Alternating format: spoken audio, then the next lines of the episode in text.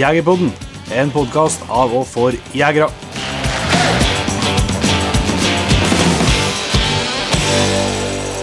Hjertelig velkommen til en helt ny episode av Jegerpodden. Jeg heter Jon Petter Meldingen.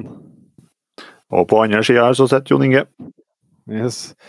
Du, i dag så er det jo en eh, episode som vi eh, Ja, i hvert fall en prat som vi har snakka om i, i god stund. Vi har fått med oss Kristoffer eh, fra Viltgården, eh, som har klart å eh, fått til egentlig noe så utrolig jeg si, som å uh, få til et eh, anlegg for trening av eh, hunder på elg og villsvin i Norge. Mm. Det finnes det bare ett av. Eh, så, så det er en artig prat med han, både om eh, hvordan i all verden jeg klarte å, klart å få til det, og eh, ikke minst å så sette med litt, eh, ja, litt unik eh, erfaring og kompetanse, som har eh, sett så mye så mye hunder møte elg og sånt for første gang. Et møte som, som vi vanligvis i, i skogen ikke får sett så mye av bestandig. Så, så det kan dere nå se fram til ganske snart her. Men uh, for ei uke det har vært, Inge? Eh, ja. Det Det har skjedd litt de siste dagene nå. Det har det. Men, ja, det, kort og godt, det, ting blir ikke som man tenker, og som man planlegger. Nei, det har virkelig vært et bevis på det. Det er jo selvsagt ikke bare oss, det gjelder vel mer eller mindre hele verden, Så det ser ut for i, i nyhetene. Altså, det, er ikke, det er ikke bare Jegerpodden som er ramma. Nei. Nei, det rammer, det rammer nå eh, ja. ja, til siste nyhetene i dag nå, så rammer det noe alle. Men eh,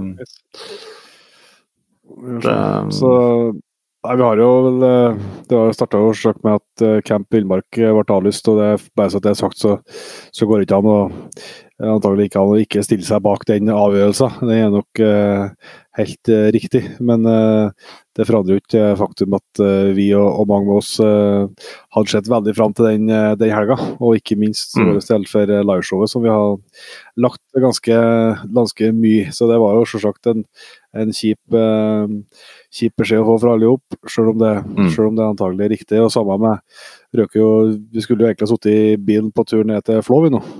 Etter planen. ja. Så- Skulle så antagelig vært Nei, vi har ikke, har vært snart fram ennå, nei, men eh, Nei, vi har begynt å nærme oss. vi begynner å nærme oss. Eh, ja.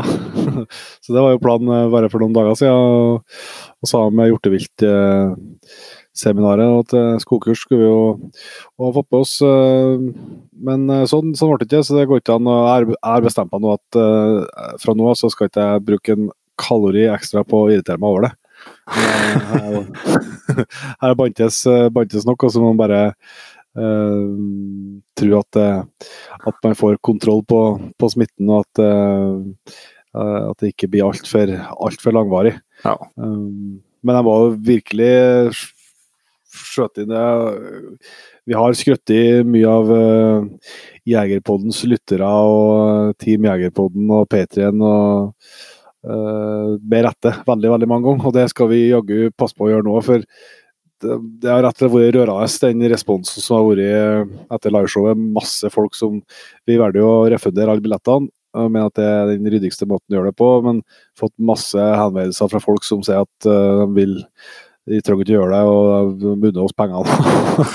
Hva er det for noe? Så det har vært utrolig eh, Ja, det får litt sånn eh, litt gåsehud, og, og det betyr utrolig mye at det er et så stort engasjement eh, rundt det vi driver med. at Noen har jo til og med starta en spleis og, og kjørt på med, med det. Det var jo helt helt fascinerende, rett og slett. Og nå har vi gjort en, en liten researchjobb i, i kveld, litt med vi, vi satser jo hardt på Jegerpodden, og vi tror at uh, vi skal klare å lage et, et enda bedre produkt hvis vi får til å drive med dette på fulltid begge to. og Det har jo, ser jo fortsatt måtte, utsiktene gode ut for det. altså. Men det er klart, hvis, det, hvis de verste spådommene spådommene slår til, og vi må stryke ut alt som heter for messer og, og liveinnspillinger ut av budsjettet fra nå og over sommeren, så er det klart da ser verden litt annerledes ut, både for oss og veldig veldig mange andre.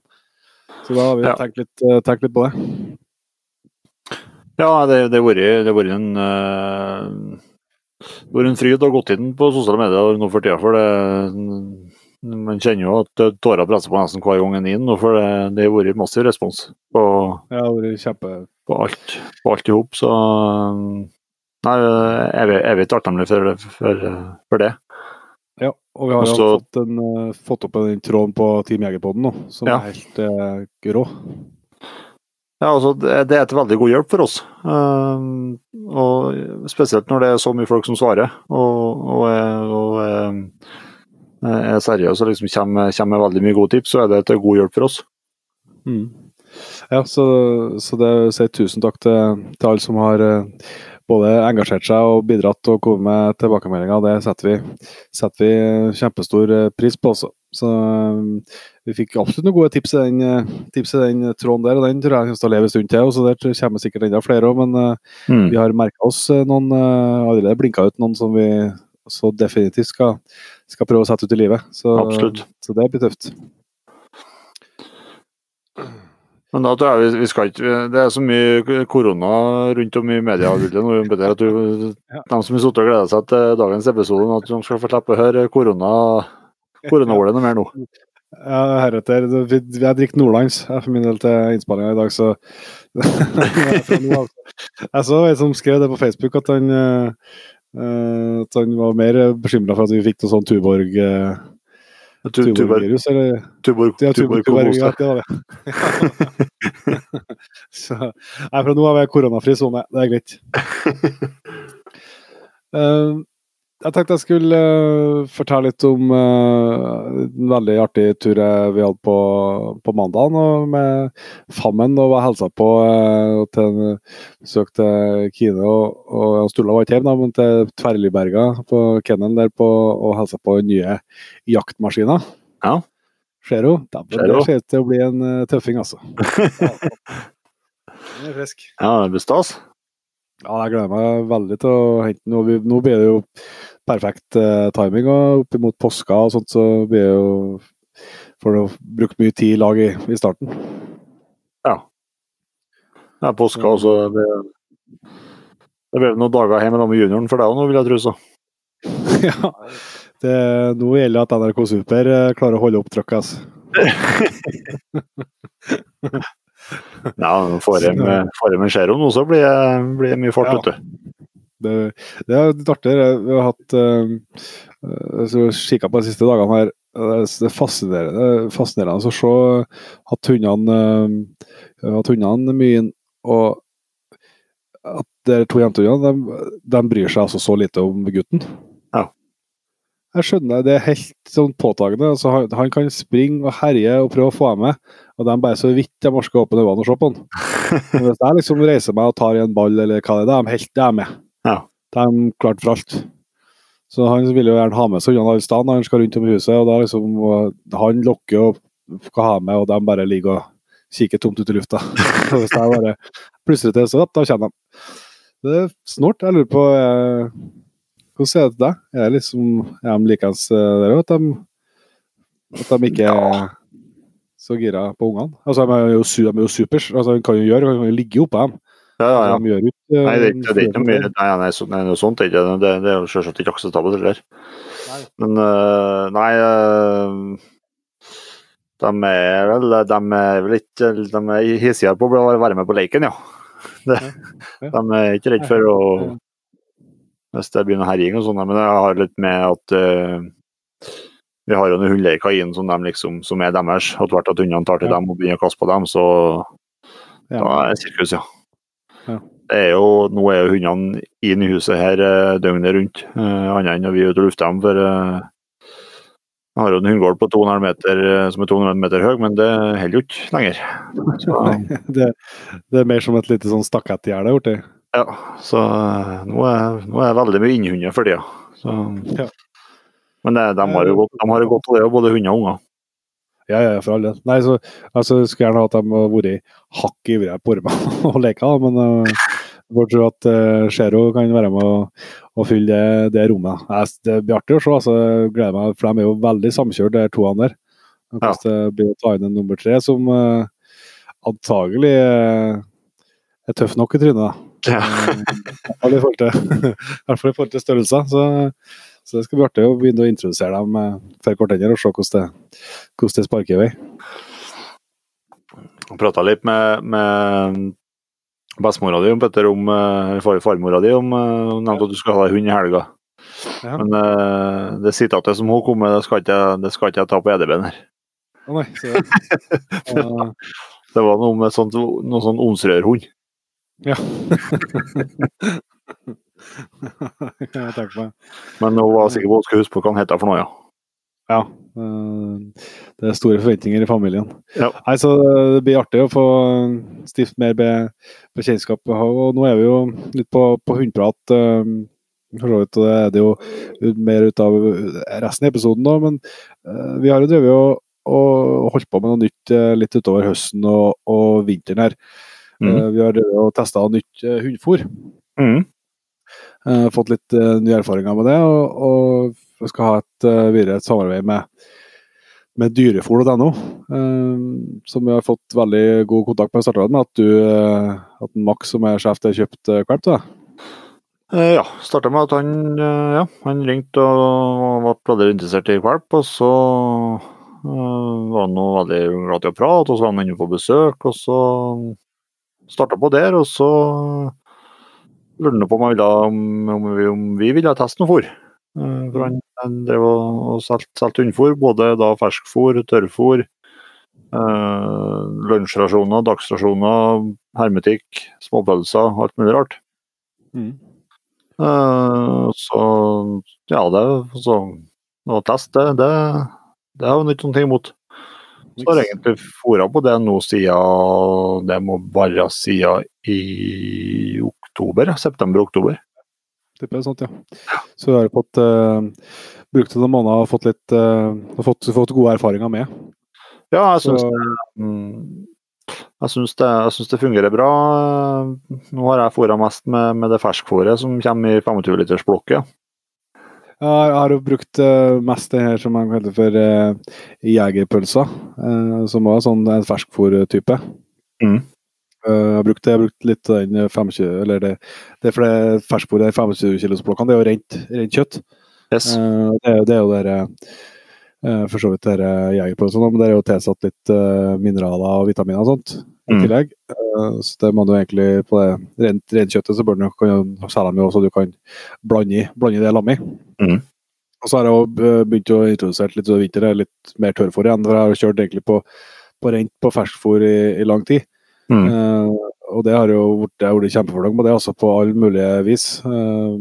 men jeg har lyst til å, å, ha den luksusen det å kunne uh, flytte meg over på, på tørrfôr uh, når vi skal til fjells og, og litt sånn. Ja, ja. Bekvemmelighetshensyn, rett og slett. Da.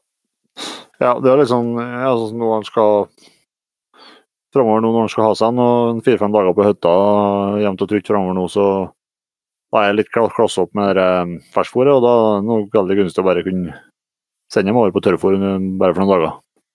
Ja. Så, men jeg har blitt veldig godt fornøyd med det. og det, De har jo et tilbud på de som er, er tilpassa sånne, sånne, som oss, skal jeg si. Eh, for de retter jo seg mot, eh, mot folk som vil kjøpe den i større, større kvanta. Ja. Um, altså Du kan kjøpe på pall oppover og enten vil ja, for at du har veldig mye hunder sjøl, eller for at du vil kjøpe det sjøl og, og selge til, til, venner og kjente. Um, mm. så, så, det skal vi jo teste, faktisk. Så det blir muligheter for å kjøpe noe hundefôr både på Verdalen og oppe i Grøndalen. Mm. Vi får se om eh, dørene blir, blir sprunget ned. Men uh, vi har jo tross alt mellom oss nå sju, sju hunder når Zero kommer. Ja. Så det er klart at det går med litt, uh, går med litt hundefôr, så det er jo uh, Ja, det føles, føles bra, for det er greit jo at man vil vil jo selvsagt uh, at hundene skal ha så bra fôr som, uh, som mulig. Og så når vi klarer å, å, kombinere det med å ta ned utgiftene litt på det, så er det jo en litt, slår det faktisk litt når en har såpass, såpass mye, så mye hunder som vi har til sammen. Absolutt. Så, så, hvis det er flere som er ja, interessert i å kjøpe fôr direkte til oss, eller som er interessert i å uh, høre mer om dyrefòr, så kan du ta kontakt med oss eller sjekke ut uh, dyrefòr.no. Så da kan jeg ha muligheter både for å, for å kjøpe sjøl, og eventuelt forhandle videre i, i, nabolaget. Så det er nå eh, et hett tips. Yes. Vi skal straks sette over til Kristoffer, men vi skal før den tid gå gjennom lista med nye, nydelige, vakre patriens som vi setter voldsomt stor pris på for øyeblikket. Eller det har vi alltid gjort, men enda mer pris på. akkurat, uh, akkurat siste dagene har jeg i hvert fall kjent på det. At vi føler oss utrolig heldige for at vi har med oss, uh, har med oss dere på laget. Der er det jo Det kommer til å komme noen, noen nyheter etter hvert ut ifra den, den tråden på Team Jegerboden som vi, som vi nettopp snakka om. Men vi kjører jo en storpremie igjen hvis om vi når 1500 patrients. Da er det um, high altitude-settet til, til Ravne pluss uh, plus guidejakken.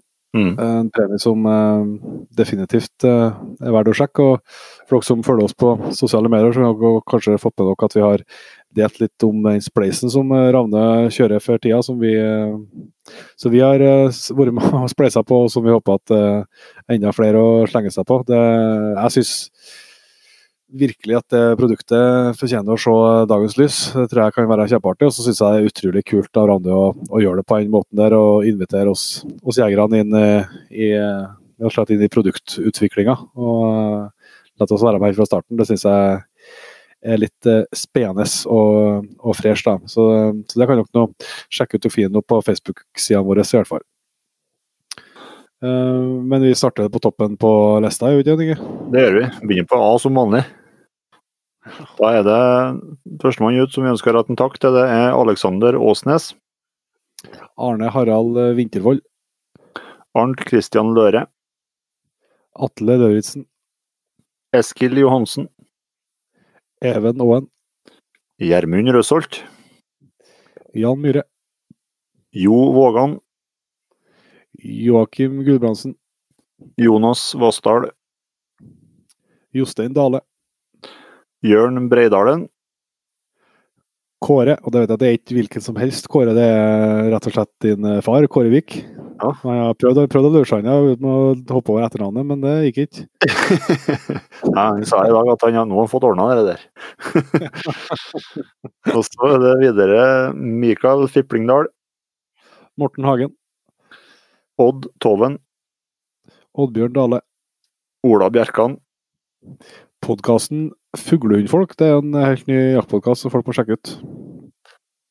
Også Sander Eltervåg. Sander Langstad. Sigmund. Snorre Rokstad. Steffen Sætervik Haugen. Stein Eskil Lyngstad. Her er en storskytter, Adrian Undi Lunde. Ja, og Sveinung eh, Ingolfsrud. Terje Mathisen. Theodor Andersen. Thomas Fylkesnes. Og Trond Ingar Pedersen. Så tusen hjertelig takk uh, for det. Uh, og takk til alle som allerede er, patriens. Det kommer stadig nye til, og det er vi utrolig glad for. Så uh, har du lyst til å være med der, så er det selvsagt muligheter for det. Men da er det klart for Kristoffer, ikke sant? Yes, en glad sørlending. Ja. Da har jeg gleden av å ønske Kristoffer Kallhov hjertelig velkommen til Jegerpodden. Takk skal du ha. Jo, det, så var vi her. Eh, ja. Takk for at jeg kunne eh, få lov til, eller da ville ha meg med. Eh, det er jo en, en ære bare i seg sjøl, det. Ja, det er voldsomme greier.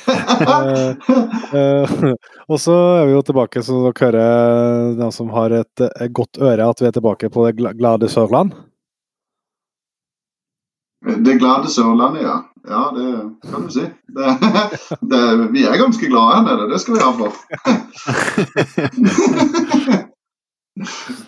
Eh, det vi skal snakke om i dag, Kristoffer, det er jo eh, selskapet du driver som eh, heter for Viltgården. Eh, men, og den jobben dere gjør der. Men først så skal vi bli litt bedre kjent. Kan ikke du starte med å fortelle litt om hva du er for noe kar? Jo, Uh, ja, jeg er jo en en gutt, eller en mann fra, fra Sørlandet. da. Det blir det Sørland, var det ikke det? Eh, opprinnelig oppvokst en halvtime fra Kristiansand, eh, Øvrebø. Uh, delvis også oppvokst på Evje, som ligger litt lenger oppe i Setesdalen. Det var en, en ja, 45 minutter lenger oppe. Mm. Har vel egentlig ja, er vel egentlig, som de fleste sier, en, eh, en overivrig jeger med stor interesse for dyr og dette å jobbe med, spesielt med hund da, de, siste, ja, de siste 20 årene.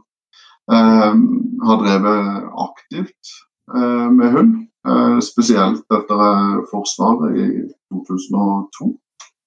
Da fikk jeg var jeg så heldig å bli med i eh, troppen da, som, som hundefører eh, i MP.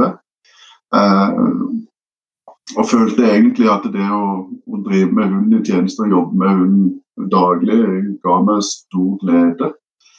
Eh, det var aldri noe som var liksom eh, Hva skal jeg si Jeg hadde ikke noen sketsjer på at nå skal jeg gjøre det og nå skal jeg gjøre det. Det var liksom hele tida en, en en interessant hverdag som ga meg mye nye opplevelser hver dag og nye utfordringer.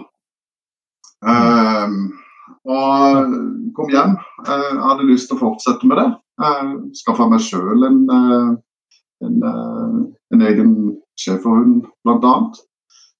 Det ble til tre av de. um, og jobba mye mot brukshundmiljøet, da. Men så dabba liksom den interessen litt av. Eh, for, for eh, lidenskapen mot eh, naturen og, og jakta og sånn, det passa ikke helt med den schæferhunden. Men så tenkte jeg at ok, hvis jeg starter å gå over litt mer til jakthund, da, så, så, kan jeg jo bruke det samme der. Eh, så jeg gjorde det. Uh, og har drevet med det siden. Jeg bygde opp et hundepensjonat i 2005. Uh, da fikk jeg jo bryne meg på litt av hvert.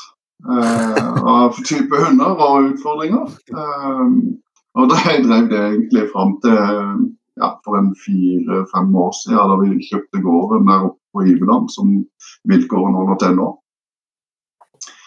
Eller så ja, har vel drevet mye av alt jeg holdt på med natur, friluftsliv, jakt og, og, sånne ting så lenge jeg fikk lov til å være med. Eh, det eneste jeg egentlig kan si litt om at jeg, ja, det er vel fisking som jeg sliter litt med, men det er vel kanskje litt med med måten eh, det ble putta på i sandstrand og måtte sitte og vente på at far var ferdig med å fiske.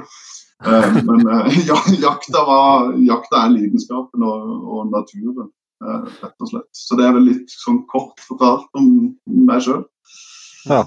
Hvordan, eh, hvordan, kom liksom, hvordan kom du i gang med jakta? da? Sånn, var det liksom ifra du var, fra du var tenåring, eller? Nei, eh, egentlig så var jeg ganske ja, Altså Jakta for meg egentlig, det er jo farssida av, av, familien som, som egentlig har prega det naturlige og jakta eh, for meg. Eh, jeg hadde blant, har bl.a. en onkel og hadde en farfar da, som, som er veldig eh, jaktinteresserte. Både retta mot småviltjakt, harejakt eh, og elgjakt, da, som, som, har prega min tid egentlig mest. Eh, mm. Så jeg, helt egentlig, jeg husker jo ennå jeg når ikke fikk lov til å være med. Og min farfar kom hjem med den gule, gamle pickupen sin i den tidsalder. Og fikk lov til å være med opp i slaktebua og sitte på planet med alle disse dyrene oppå. Det det var stort. Mm. Ja. Så, så, så fort jeg fikk lov til å være med, så Første, første viktige felt sjøl, eller? Hva sa du? Det ble litt rart med, med lyden her, men uh, jeg bare skulle til, å, skulle til å se om du husker på første, første viltet du felte uh, sjøl? Jeg tror jeg husker to av de første. Uh, det, det, aller første var vel egentlig en hare, tror jeg. Uh, men uh, det som sitter best i minnet, var vel, var vel min første elg. Mm -hmm. Eh, som, som jeg fikk Det var en av de første gangene jeg gikk alene også. Og jeg hadde vel egentlig ikke jeg hadde vel egentlig ikke lov til å gå helt alene heller. Eh, det var litt sånn før tida, men min onkel sa det at det er greit, bare går du litt på nedsida. Du er kjent i området, her har du gått før. og uh, Jeg går rett opp på oversida. Dette går fint, liksom. Så uh, bare husk å ta tid, og er du ikke sikker, så bare la den gå. Og alle disse her prekenene hele veien. Så, um, men jo, jeg var kjent i området, og det var i min farfars område og terreng. Så jeg var egentlig ganske kjent. og gikk da vi, vi, Jakta vi drev med, var egentlig litt sånn eh, drivjakt à la eh, smygjakt, på en måte. Altså driverne vi, vi smøg og jakta samtidig som vi drev mot, eh, mot postrekka. Og eh, vi hadde starta, jeg skulle gå i denne her eh, flotte lia som jeg egentlig bruker mye også i dag. Det har liksom blitt en sånn favorittli, det der. Um, men uh, jeg husker veldig godt da vi hadde kommet sånn halvveis ut i, ut i drevet og, og uh, kom ned en, en, en, brink og ned mot ei, ganske stor myr. da. Uh, og plutselig, når jeg kom ned på i kanten av myra på en liten fjellnabbe der, så kikker jeg ut, og helt ut i enden inn i tettene, der sto det fire elg. Og eh, ja, som mange jegere er kjent med, så, så, så, begynte liksom noe det begynte å skje noe med kroppen. Eh, og, det, og, det, skjedde ganske mye. Eh, det var mye tanker på en gang. Jeg vet ikke helt alt hva som skjedde, men jeg fikk nå i hvert fall tatt av meg jakka og lagt meg ned på denne fjellnabben og, og um, gjorde meg klar. Og idet jeg var klar, så så jeg egentlig bare elgen forsvinne.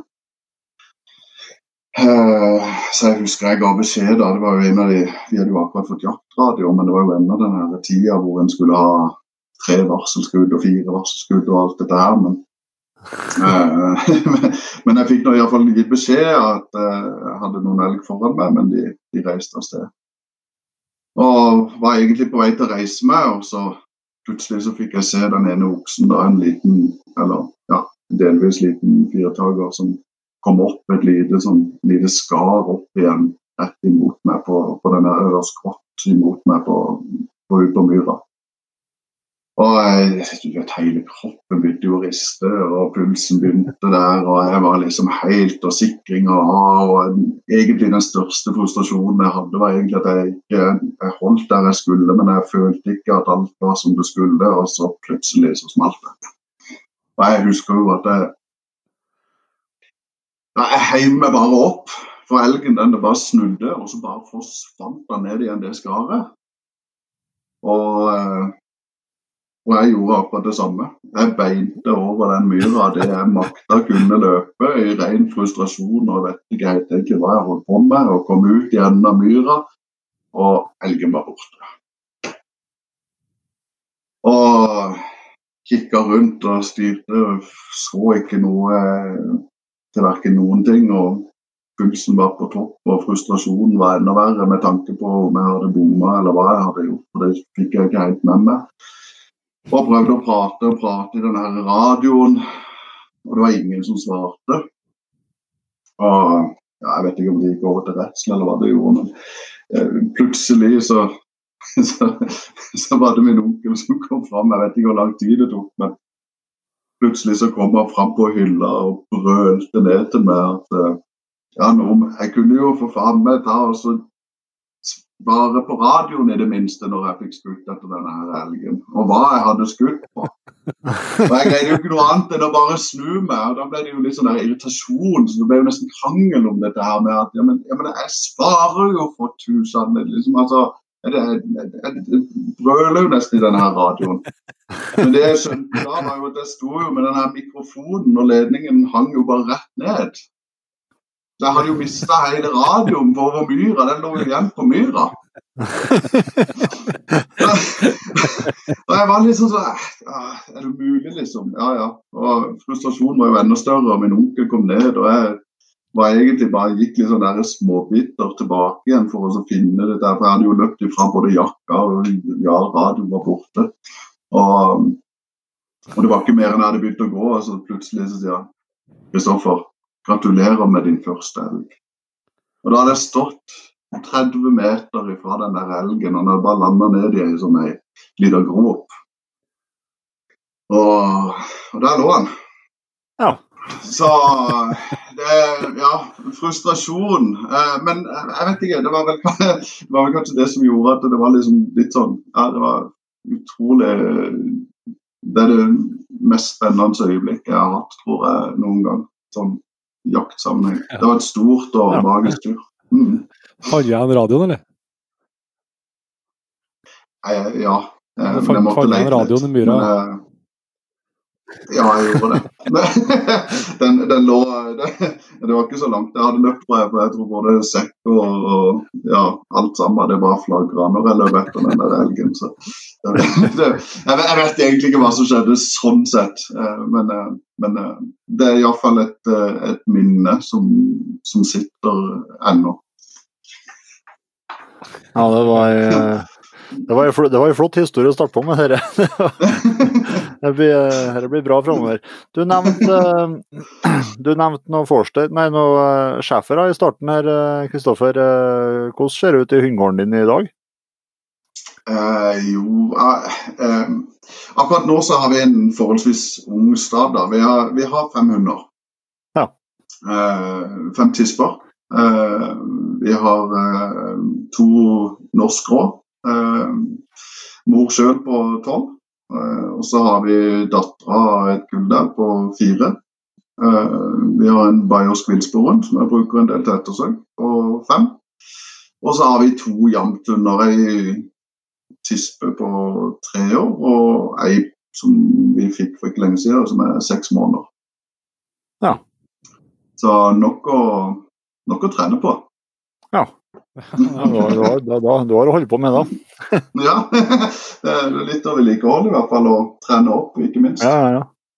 Men er det, er det elg og elg du bruker på alle sammen, eller går det på villsvin og litt forskjellig? eller?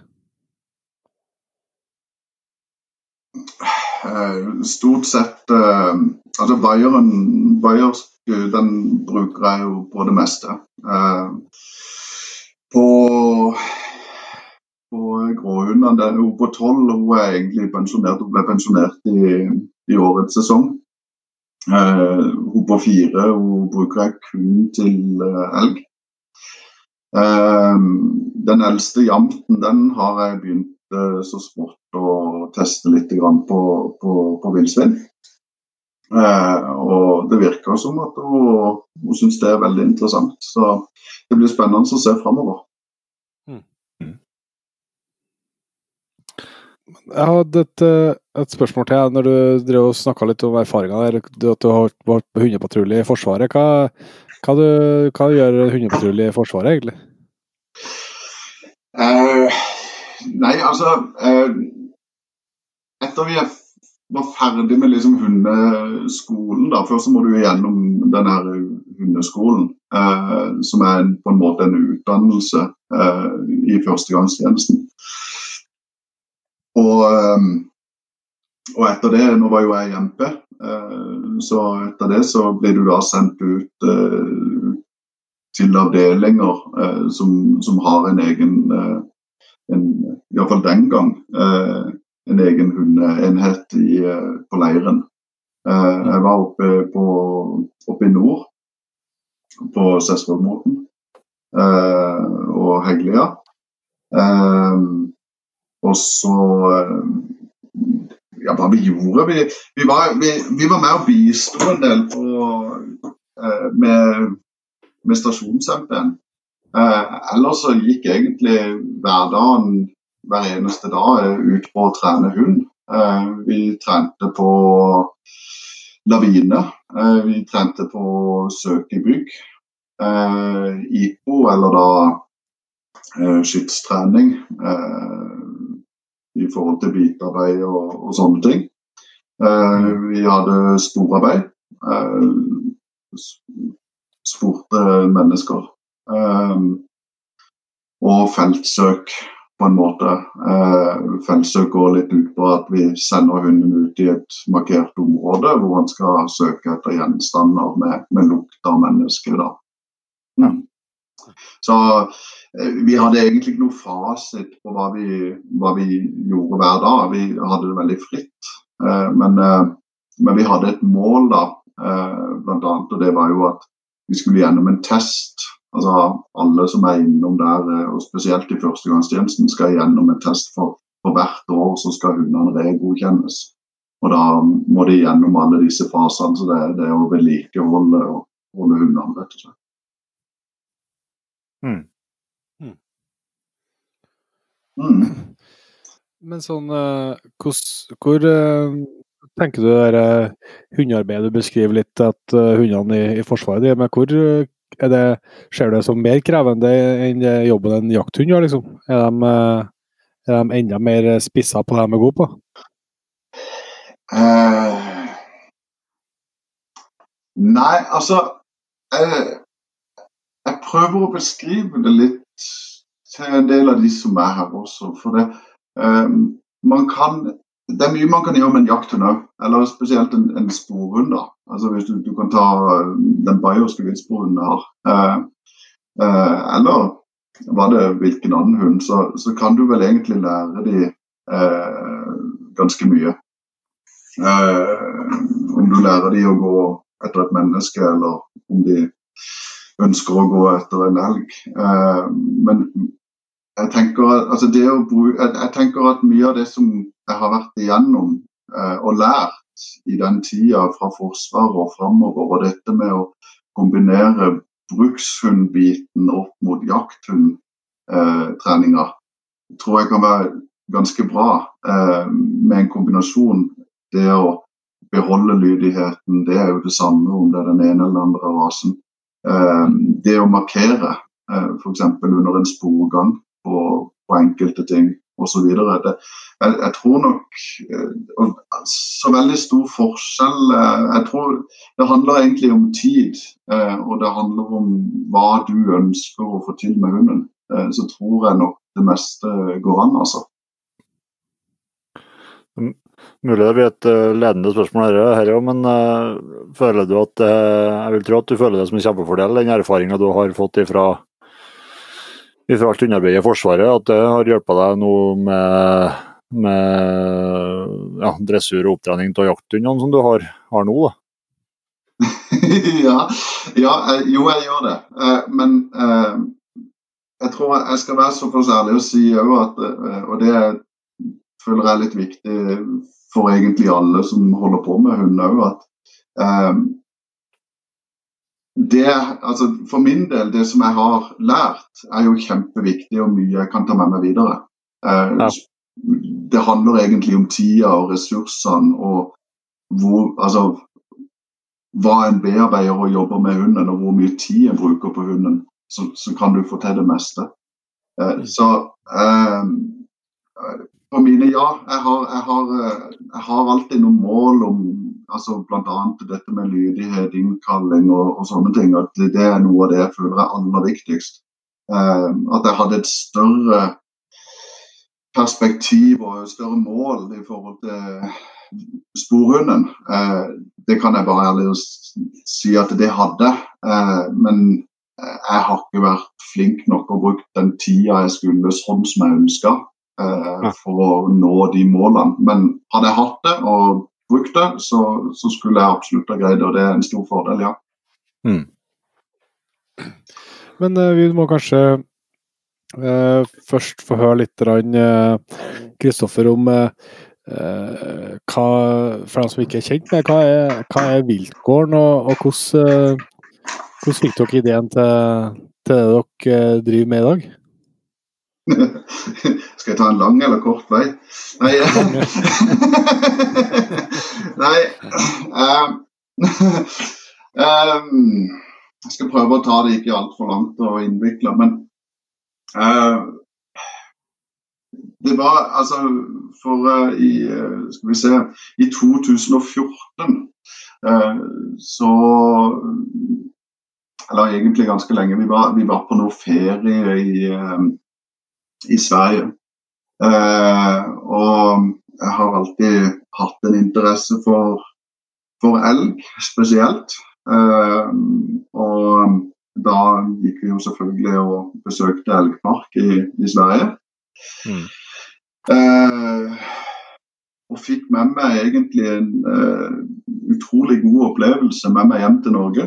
Eh, og satt i tanker om å prøve å få dette til. Jeg har alltid vært en person som har, har veldig lyst til å, å, å, skape noe nytt og skape mitt eget eh, og sånne ting.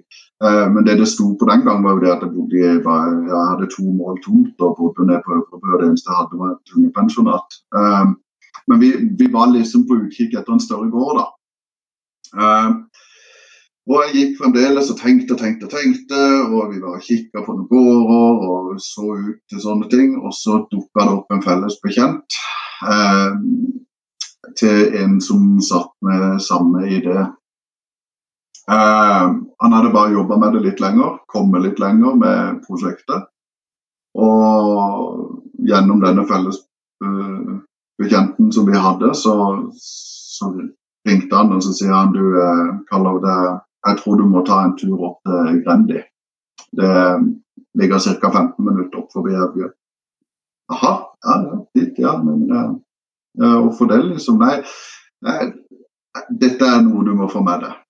For han hadde jo da selvfølgelig hørt om hva jeg ønska. Uh, og jo, jeg reiste opp og jeg ble møtt eh, der oppe av han og et par andre. Eh, og der sto det to elger. Eh, og fikk presentert eh, et konsept som heter Elgtun.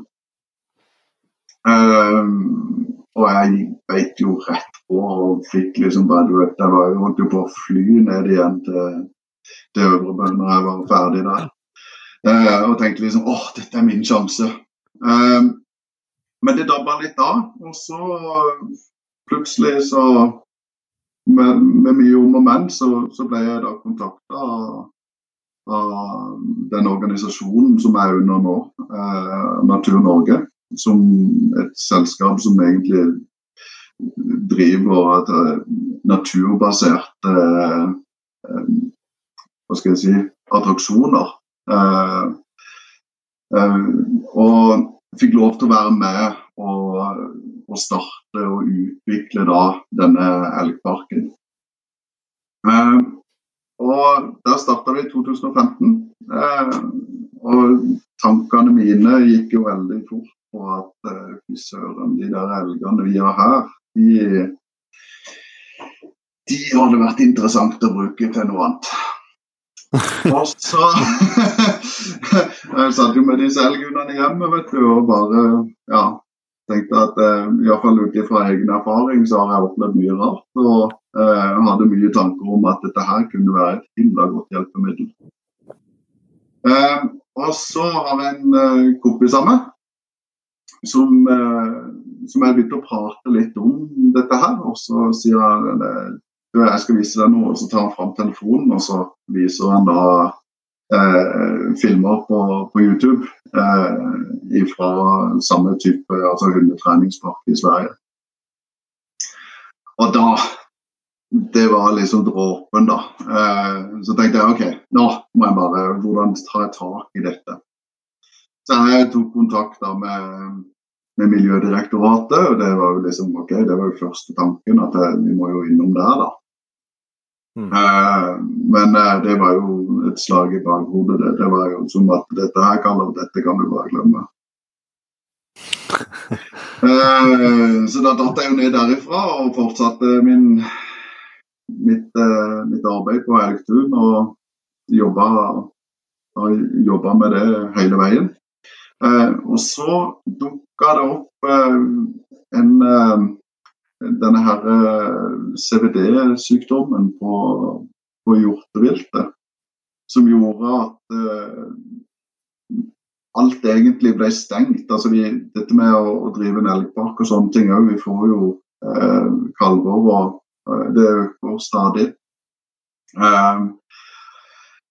men alle grensene altså vi kunne ikke, Først så starta det med at vi kunne ikke flytte da, eller transportere dyr tilbake igjen til andre land, selv om vi hadde forespørsel fra andre parker. Eh, og så utvikla det seg til at ikke vi ikke kunne ta det til eh, over fylkesgrenser osv. Eh, og vi begynte å tenke litt annerledes. at hvis vi på en måte Vi er jo litt utsatt med bare den parken vi har. Så eh, kanskje det hadde vært lurt så lenge de restriksjonene er der, å ha et avlastningsheim da, til disse.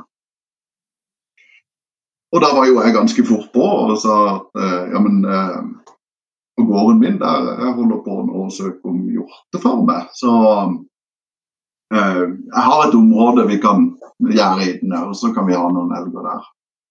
Og, og det syns jo resten i i eh, organisasjonen var, eh, var fornuftig.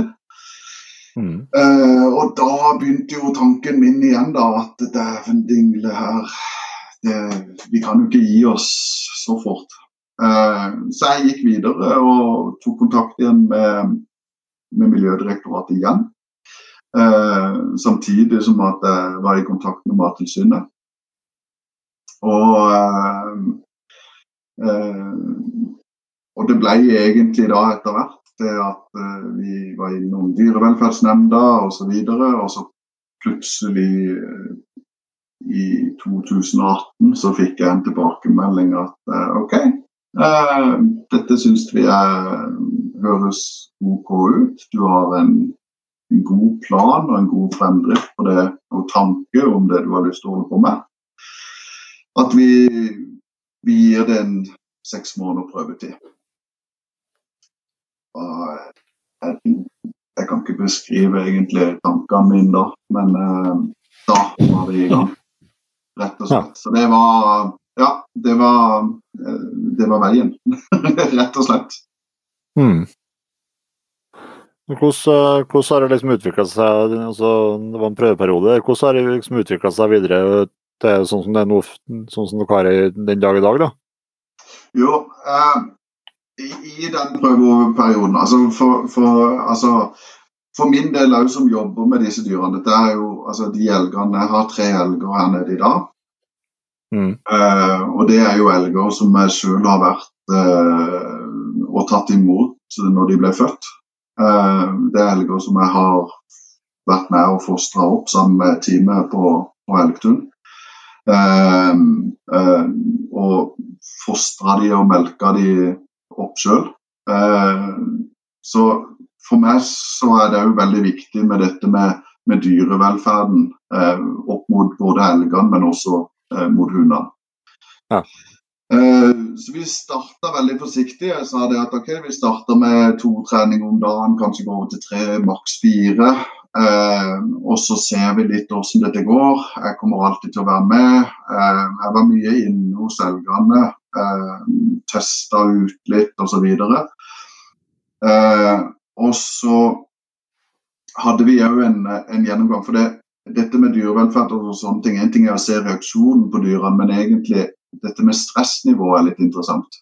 Ja. Så eh, vi i forbindelse med et kurs som vi, som vi hadde, eh, så var jeg så heldig at eh, eh jeg fikk mulighet til å, å teste pulsen på, på, på elgene. Eh, også for å måle da stressnivået og se stressnivået til elgene mens en hund sto og kjefta på dem.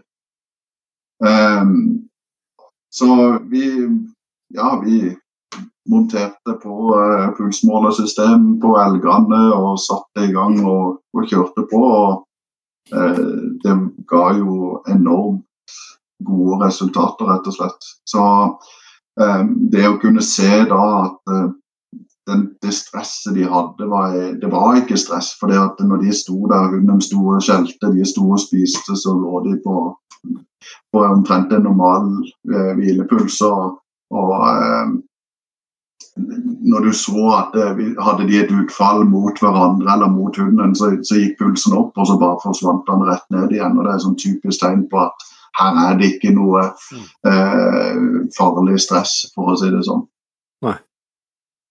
Så i utgangspunktet så kan jeg si at de, de bryr seg veldig lite. Um, i de fleste tilfeller, som jeg sier, for mange lurer jo på hvordan disse her elgene oppfører seg til, til hundene. da. Uh, og det er jo som jeg sier, jo mer, jo mer aktive hundene er, jo gøyere tror jeg elgene har det. for Hvis det er en kjedelig hund som kommer, så går gjerne elgene og legger seg etter kort tid. Så, men er det en mer aktiv hund, så syns de det er litt gøy å erte på, erte på hunden. mm. så, så, da, så, og etter da når vi hadde hatt dette her og sånn, så, så, tok jeg med meg disse altså prøvene og det vi har erfart da, på den tida. Eh, og presenterte dette for, eh, for Mattilsynet og, og, og nemnda. Eh, og, og, jeg tror de ut ifra hva de har gitt tilbakemeldinger på, så, så, er, så er, de veldig fornøyd med, med måten vi gjør det på. Mm. Mm. Ja, for det eh, Så bra. Så det er... tenker den, den, den, den, jobben liksom, som du har gjort opp mot uh, direktorat og Mattilsynet sånn, det, det høres veldig lettvint ut, det. Men jeg, jeg kan jo levende se for meg at det har vært litt uh, korrespondanse på mail og møter og sånn for, for, å komme i mål? Ja, det er jo altså Som sagt så, så, så lufta jeg jo dette i 2015 og 2018 med slutt nei, midten av 2018 var jo da vi første gang fikk mulighet. Ja. Så det, ja. ja. det har vært mye løping, mye frustrasjon, mye mail, mye telefon. Eh, jeg har vel mange ganger lurt på er du egentlig riktig vel bevart. Men eh, jeg, jeg, tenker at det er, liksom, det, er, det er, jo den der given. Jeg vet ikke om dere har kjent på det før sjøl. At det er liksom det der at hvis det er noe man ikke får lov til, så skal man iallfall så, så, så blir bare motivasjonen større for å faktisk få gjennomført det. Eh, så, sånn er iallfall jeg bygd. Er det, er det en eneste plassen i Norge man har muligheten til å trene, trene hund på, på levende elg, eller? Ja, det er det. Ja. Det er det. Det er um, iallfall Nei, er, du må til Sverige for å, for å få til elg. Ja. Uh, det må du. Det er litt pussig òg, liksom, i, og med at det er ja, på det meste har det vært tre forskjellige plasser man kan teste, teste på bjørn. da. Ja. Så Men ja, uh, ja, det har det. Uh, og det, det, er jo noe av det samme konseptet. Altså, det er jo noe av det samme vi gjør. Mm. På, en, på, en, måte. Og, og, så det er, jo ikke, det er jo ikke noe som er ukjent i Norge i den forstand. men akkurat dette med å trene mot elgen, det, det er nytt. Ja. Hvis du først eh, Kristoffer, for dem som ikke er kjent med, med konseptet, hvordan eh, kan du, Vi skal snakke mye om eh, både hva, hva, hva, du gjør og hva du opplever, og sånt, men, men hvordan fungerer det sånn rent praktisk hvis jeg kommer til, til deg med en, med en unghund som jeg har tenkt skal bli løshund? Ja. Tja um, Nei, altså det er jo Sånn i utgangspunktet så er det jo um, dette med altså alle typer hundetreninger. Mange spør jo om hva er det vi egentlig gjør. Eh, og i, i, utgangspunktet så er det jo det at vi eh, Er det en løshund det er snakk om nå, da, så, så er det jo at hunden Vi har, vi har laga innhegning til, til elgen på, på ca. Ja, 50-60 mål. Uh, og inni den innhegninga der, så har vi da lagd det vi kaller et, eh, et hundeheim. Uh, hvor uh, hunden kan slippes løs på alle årstider. Han vil ikke komme seg ut, for det er jo innegjerda. og i alle tilfeller så, så, møter vi da elgene stort sett i motsatt diagonalhjørne som vi går inn, så du har en avstand som, eh, på en ca. 70 meter da, som, som, eh, som hunden, eh, før hunden treffer elg. Så i, sånn i utgangspunktet, når kommer du med en ung hund eh, som gjerne ikke har truffet en elg, så, så elg før, eh, så så ønsker vi jo også å se litt på hva, hvilke interesse har egentlig eh, denne hunden for, eh, for, for elgen, og har han lyst til å, å, å, jobbe med denne elgen. Eh, og da går vi inn og, og, gjør oss klar og slipper ut hunden. Lar han få lov til å søke ut og, og, finne elgen sjøl. Og, og, ser litt hvordan han reagerer på dette. Eh, og ut ifra da eh, reaksjonen så, så, bearbeider vi og jobber med etter, etter behov eh, for å få han til å, å, å gjøre det som, som, vi ønsker at han skal gjøre. Men i mange tilfeller så handler det jo der om at han skal, de skal få lov til å, å utvikle seg sjøl, og spesielt som unghunder. da, de, de, skal få lov til å, eh, å føle og kjenne på å møte elgen. Men at vi, vi da en, gir dem en støtte med at vi faktisk er der, noe som, som ikke vi kan gjøre i, alltid i naturen. Mm. Så, så, det er jo liksom litt av grunnprinsippene, da. Men det er ikke et tegn som vi Det, det er som jeg sier, det, og det syns jeg er veldig veldig viktig å få sagt. det er det at altså, Dette er jo ikke en plass vi, vi trener på, på søk. Dette er ikke en plass vi trener på sporarbeid. Og, eh, eh, men vi, det er en plass hvor vi kan være med og, og støtte hunden opp eh, i, i, en oppbyggingsfase. Eh, mm. Og så er det, det er bare én plass man får en, en riktig god hund, og, og, veien for å få en god hund, det er å, å være ute i skogen, rett og slett. Mm. Men er det for, Forstår jeg det rett, Kristoffer, er det, er det et eget et eget gjerde til hund inni, inni gjerdet til elgene? Ja, altså ja. Um, um, Inni hovedhegnet til elgene så har jeg laga et eget hegn. Ja. Um, og, og, jeg syns det er litt gøy med det hegnet, selv om ikke det er så stort, så er det også uh, en del Altså det er mye Det er naturlig uh, skogsterreng som vi har på utsida her. Eh, med busker og trær og ein og kratt og sånne ting. Så du får litt bevegelse i, i elgene langs med gjerdet etter hvert. Og, og, jeg ser på utrolig mange av hundene som, som, jobber bra med Når de virkelig jobber med elgen, så, så løper de inn mellom trær og busker som, som, det, som, de normalt ville ha gjort. Da. Så det, det syns jeg er veldig gøy. Ja.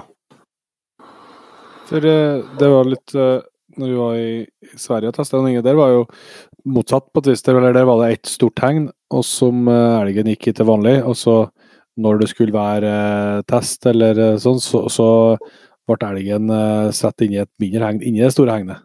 Så det var motsatt, da, kan jeg si. Uh, ja, for, ja, men det blir det. For det Ja, men det blir òg litt sånn at uh, um, Altså vi jobber jo, som vi snakker om, at vi skal jo jobbe litt på dyrenes premisser og velvære.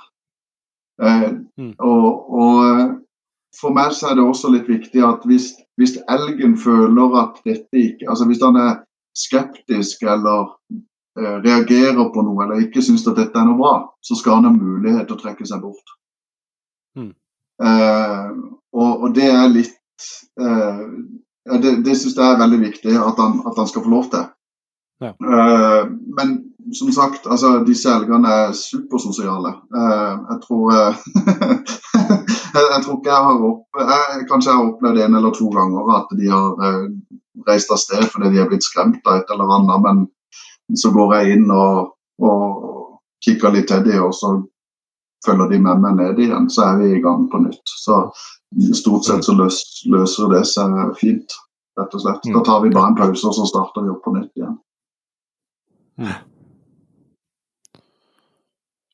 Uh, men dere, du tar jo imot uh, hunder som, som, ikke tenkt som løshund, men som tenkt som, som bannhunder?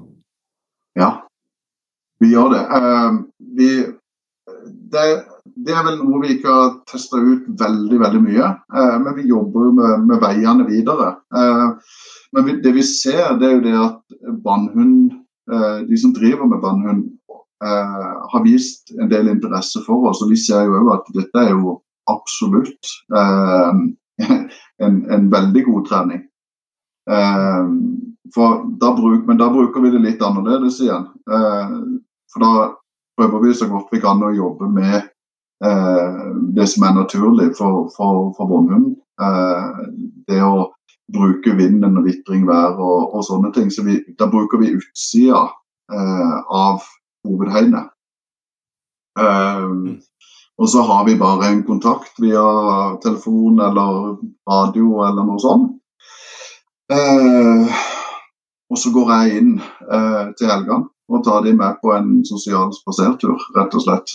Eh, og så beveger meg litt i henhold til ønsket fra hundeeier. det med å altså bevege seg nærmere inn mot ekvipasjen. gjerne trekke ned og imot og vise seg og trekke vekk igjen. Eh, stå litt gjemt opp i noen granfelt og komme ned på myra igjen eh, osv. Vi prøver så godt. Det, det, er ikke alltid lett. Det, det er elger vi har å jobbe med. Så, men, men, eh, men eh, jeg hadde bl.a. En, en trening her eh, bare for, for, noen dager siden. og eh, jeg syns det gikk egentlig veldig veldig bra etter, etter ønsket fra hundeeier, og òg etter min mening på, på den eh, hundetreninga. Vi fikk utfordra litt på en måte. De begynte å jage litt på hverandre og kom ut på myra foran de på 20 meter og ble stående og trakk seg vekk igjen. Og, ja, det, eh, så for, for bannhund eh, så, så, er det absolutt gode vilkår der òg. Mm. Men er det liksom dere altså, Du snakka litt om hva som var fokuset på i forhold til løshunder, at det var liksom for å ja, for å ja, være, med, være med og støtte dem og bygge dem opp. Hva er liksom hoved, hovedfokus og hovedprioritet i forhold til bannhunder? Er det liksom det å klare å holde dem rolig, eller? Når de, når de, når de, har, når de ser elgen? Ja, det er det. Uh, altså, det er jo uh, mange Altså, det er jo dette med å uh, Det med å holde roen i, i, i hunden. Ja. Det er jo det det går på eh, veldig ofte. Og, og, det som mange ganger er det, eller for, for enkelte, er jo det at de gjerne de går fint i lina og, eh, og kommer fram og treffer på en elg, og så er det gjerne den når, når elgen da, hvis den blir støkt eller gjør en utflukt, så vil gjerne hunden følge etter, og så blir han så oppgira at det kommer lyd ut av han. Og det, det skal jo helst ikke være. Så det er jo det å, å å få elgene i nærvær med, med, hunden på en måte innenfor en viss avstand, og samtidig at hundeeier da kan sitte og, og, og, prøve å holde roen og belønne roen eh, som hunden har. Mm. Mm. Men eh, jeg vet jo at uh, nå så har dere jo introdusert eh, testing på villsvin. Ja, det er litt spennende. ja, det, er jo ikke, riktig tett, tett mellom villsvinhengene i Norge heller. Nei, men, men du ser, det med villsvin var, det var, det var, litt sånn der jeg drev med med Jakt er jo gøy, da. Så, eh, og så har jeg jo interesse for dyr på toppen av det hele. Så egentlig før vi starta Viltgården, så, så eh, så hadde jeg søkt og fått mulighet til å, å, å, å ha villsvin i, i, i heien her hjemme. Uh, så de var her egentlig. Uh, og, og, tenkte at det må jo være en gunstig måte å, å bruke det. Jeg har en kompis nede i Sverige som har drevet med hundetrening på villsvin i mange år og driver det ennå. Og har vært der nede sjøl med egne hunder og testa. Og syns egentlig det er ganske fascinerende, hele den biten der òg. Eh, og en vet jo òg at eh, ja, villsvin er på vei inn i Norge. Eh, og mange reiser til Sverige for å jakte villsvin med hund. Og da, da, tenker jeg at det med å kunne på en måte introdusere eh, hundene for, for villsvin eh, før man bare slipper de ut, så ser man også litt eh, hvilken hund, hund, man egentlig har. Eh, og det tror jeg egentlig er viktig i mange tilfeller når det gjelder villsvinjakt. Eh, om hunden faktisk er egnet eh, til, til villsvin. Eh, Mm. Eller hvordan han er. Eh, og hvordan kan vi bygge hvis han er kan vi, kan vi gjøre noe med det? Kan vi rette noe på det hvis han er sånn som ikke han burde være osv.? Kan han få seg en, eh, en opplevelse som gjør at han blir en bedre eh, villsvinhund? Eh, så eh, jeg tror, og, òg det med at de er vant med viltet. Eh, det at man bearbeider litt på, på det, det type vilt eh, i henhold til at de kommer inn i, i norsk natur, det, det tror jeg bare er positivt. Men den treninga foregår den på Er det liksom på samme vis som elgtreninga, eller er det, er det som i Sverige at dere har, dere, har dere tillatelse liksom, til å slippe unna inn i lammet villsvinene, eller er det hegn imellom? Eh, Der har vi tillatelse til å slippe inn. Ja. Så, så der, eh, men det er jo litt forskjell. altså For meg selv, hvis jeg skal være helt ærlig for meg sjøl, så eh, Jeg ville ikke ha sluppet mine hunder inn til elgene. Eh, litt, litt, litt i forhold til hva de er vant med og hvilke type dyr det er. Eh, Ja. Eh, og hvor tamme de egentlig er. Så, så mm, men, men akkurat inntil villsvinene, så det blir litt annerledes. Eh, Ja, ja. Så, men, men det går på samme premisser der òg. Altså liksom dette med å ta vare på, på, eh, på velferden.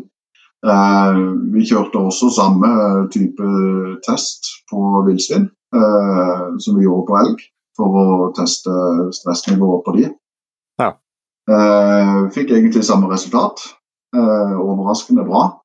Eh, og det er Men det er på en måte altså det, det hegnet vi har her, det er jo tamme villsvin. Som, som jeg vil egentlig si er mest egnet for unghunder eller nybegynnere. Altså hunder som, som gjerne ikke har vært i kontakt med villsvin før. Eh, for å se egentlig hvilken hund du har. Det er ikke noe for, for hunder som har erfaring med, med, med villsvin. Så det er, det er en innlærings, eh, et innlæringsegn, rett og slett. Hvis jeg kan kalle det det. Ja, for de er så helvete helvete at de, de, de, de, de renner ikke på og gir utfall på hund med Med mindre de har en veldig god grunn, eller? Nei, men de kan eh, de, de kan gi et utfall med å Altså, du får utfall hvis hunden er for nærme. Eh, hvis, de, hvis, altså, hvis de føler at de, eh, de blir forstyrra, så kan de gjerne gi et utfall. Eh, men men så går de tilbake igjen og til der de holder til, for å si det sånn. Men, men de De er ikke ville. Eh, De er, det er tamme, tamme svin som ikke de er, og, og det er utrolig altså De blir, de blir vant med det. Altså De, de Mm. overser hundene på en, må- på en helt annen måte. Jo, mer, jo flere hunder som er inne, jo mer eh, vant blir de med det, rett og slett. Men eh, hvordan du, du har ikke like, ikke fått brukt det hengende like mye som, som elgen ennå, men eh, hvordan eh, eh, skjer, kan, du, kan du si ting om hva du ser på hundene? Altså, eh, vil de eh, bruk, Kan du bruke det sånn hvis en hund ikke vil i gang på elgen, så kan du la den få komme inn til grisen og så prøve på elgen igjen? Er det sånn du har tenkt å, å bruke det òg, eller? det var egentlig litt artig du spør.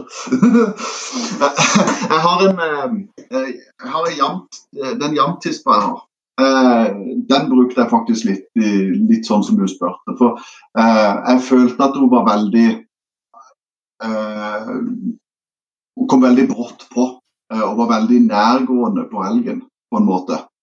Eh, Så jeg tror hun var liksom Hun var veldig høy på seg sjøl. Altså, så hun hadde ikke blitt så, så derfor så tenkte jeg OK, jeg, jeg prøver noe nytt. Jeg, hun var inne, det var, jeg brukte lang tid på henne egentlig.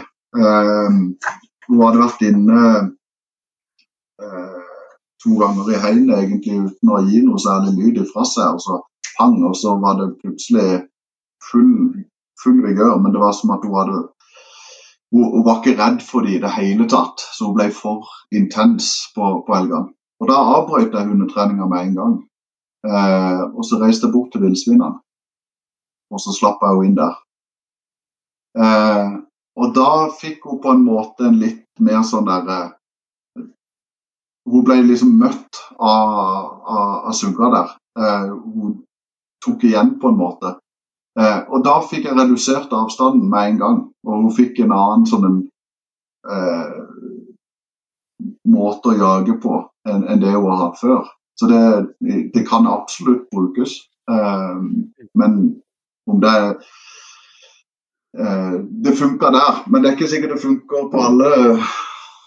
På alle. Men, eh, men ja, det kan funke. Og så har vi også eh, brukt Vi har vært inne et par ganger med, med hunder som vi har hatt litt problemer med å, å begynne å jage på, på elg.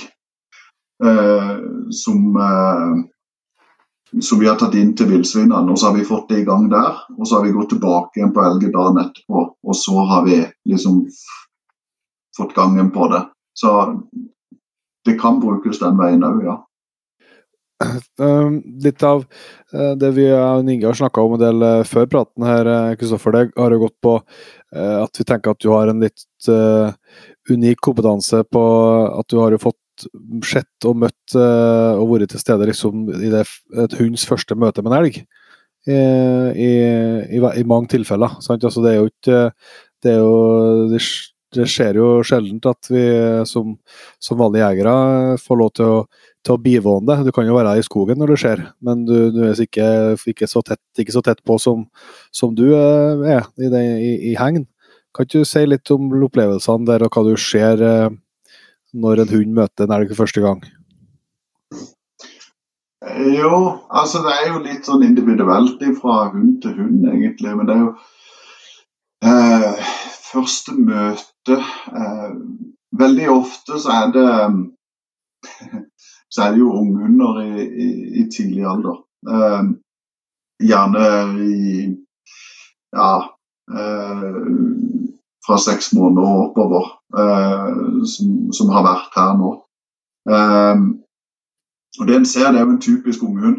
Eh, full av energi, eh, som raser rundt i, i, eh, i hundeheiene der. Og egentlig er overgira og lukter elg. Og så kommer de ned i rennende fart, og så er det bråstopp idet de oppdager elgen. Og så blir de bare stående og kikke. Eh, og, og, så får du utviklinga videre. Noen er litt mer sånn tilbakeholdende, går gjerne litt og de kan knurre litt, eller de kan eh, eh komme med et boff. Eh, de kan slå en del overslagshandlinger i forhold til å, at de føler seg litt usikre. Eh, de kan fort snu, renne tilbake igjen til hundeeier. Og trenger litt ekstra støtte. Og så kommer de seg gradvis etter hvert. Eh, så det er som, Som regel så er det jo de veiene der. Det er som jeg sier, det er alltid det, det jeg, jeg, jeg, tror ikke jeg har noen som er like. Alle er individuelle, alle er forskjellige. Så det, det å bare være med og se de første eh, det første møtet er egentlig ganske tøft. Det, det, er unikt å få med seg. Så Det er jo noe jeg bruker når de kommer òg. Eh, jeg, jeg, står alltid igjen. Jeg, setter, jeg tar, sier til hundeeier at nå går du inn og så på en bestemt plass, og så gjør du deg klar, slipper hunden, og så står jeg igjen i det området hvor, hvor uh, hunden møter elgen. Mm. Uh, og da, hvis hundeeier ønsker og sånne ting, og, og, vi får det til, så, så, prøver jeg så godt jeg kan å filme hunden når han kommer ned. Eh, dette er jo for å, at hundeeier skal få med seg den opplevelsen av hvordan hunden egentlig er. Hvordan er han?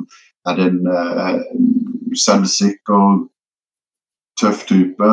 En hannhund som bare racer rett på og begynner å og, og lose umiddelbart, eller er det en forsiktig, litt beskjeden type? Og jeg tror det er ganske interessant også for, for mange hundeeiere å få med seg.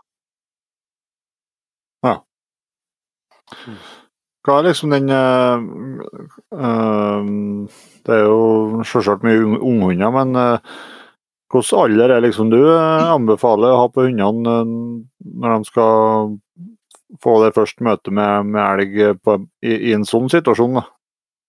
Altså Når det er under noen det, sånn, det her er jo veldig kontrollerte former.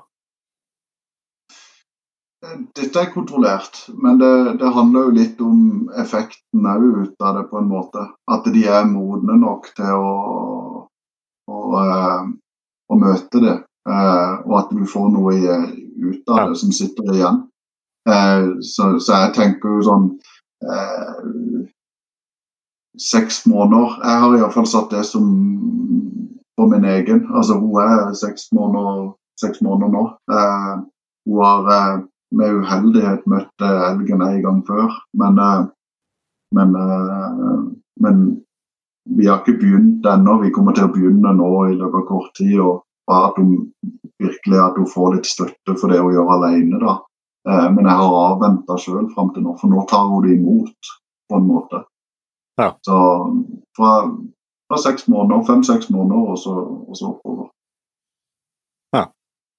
For å si det på en litt annen måte, da, så er det altså eh, Jeg bruker veldig mye av den tida altså, altså fra de er valper eh, og fram til vi begynner, egentlig hele det første året. altså jo, jo mer tid du kan eh, bruke altså Det handler om å bygge grunnleggende muskulatur eh, som de skal ta med seg resten av livet.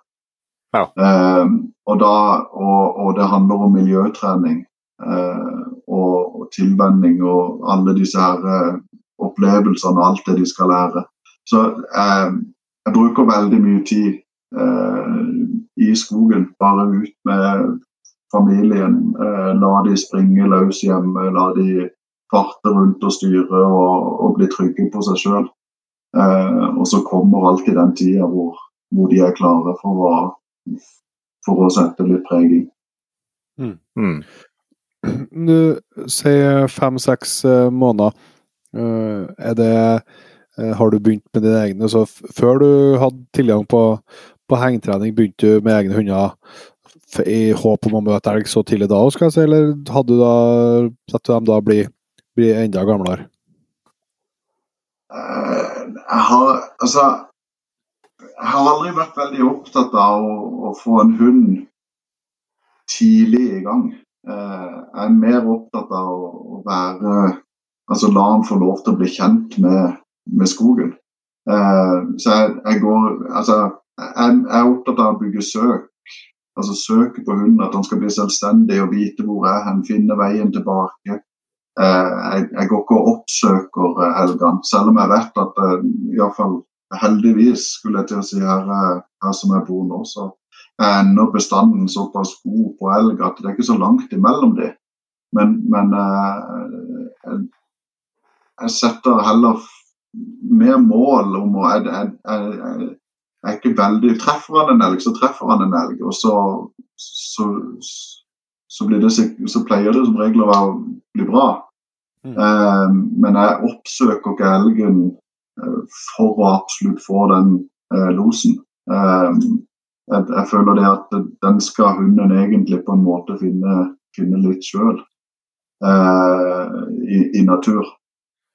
Så, så, jeg er mer opptatt av det av tryggheten, rett og slett, på, med hunden. Men så etter hvert, når, jo eldre han blir, jo så vi, vi, setter jo mål til hundene. Så det er klart at uh, vi, vi ønsker jo å, å, få det i gang uh, forholdsvis uh, tidlig, sånn at vi har en, en jaktkompis. Men, men, for meg så er det viktig at de får danna et godt grunnlag først. Ja. Mm. Men jeg tenker på altså, Vi skal komme litt om det etterpå, her med mer altså gjenoppbygging eh, med hunder som kanskje har fått uheldig og fått uh, dårlige opplevelser i skogen. Um, men uh, hvis vi holder oss fortsatt litt på, på unghundsida, hva er det du sjøl tenker på som altså,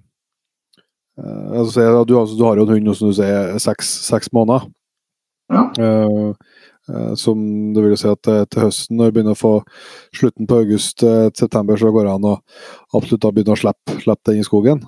Uh, hva, hva, tenker du er, er, hva er motivasjonen din og ønsket ditt med uh, å nå liksom i, i, månedene som gjenstår fra seks-sju oppover, uh, og la han få de første møtene med, med um, elgen i heng? Er det for at du, du ønsker å at den intro, første introduksjonen skal være trygg, på et vis, at det ikke, det ikke blir galt, eller er det, er det for preginga sin del, eller hva er det du tenker du, du får uh, med, å, med, å, ta turen i hengen i den perioden der som du ikke får hvis du ikke gjør det? Nei, altså For min Altså, det Jeg tenker altså Det med å I mange tilfeller så er det vanskelig å faktisk i det hele tatt Mange har problemer med å, å, å få hundene til å, å, møte en elg og jobbe med en elg generelt.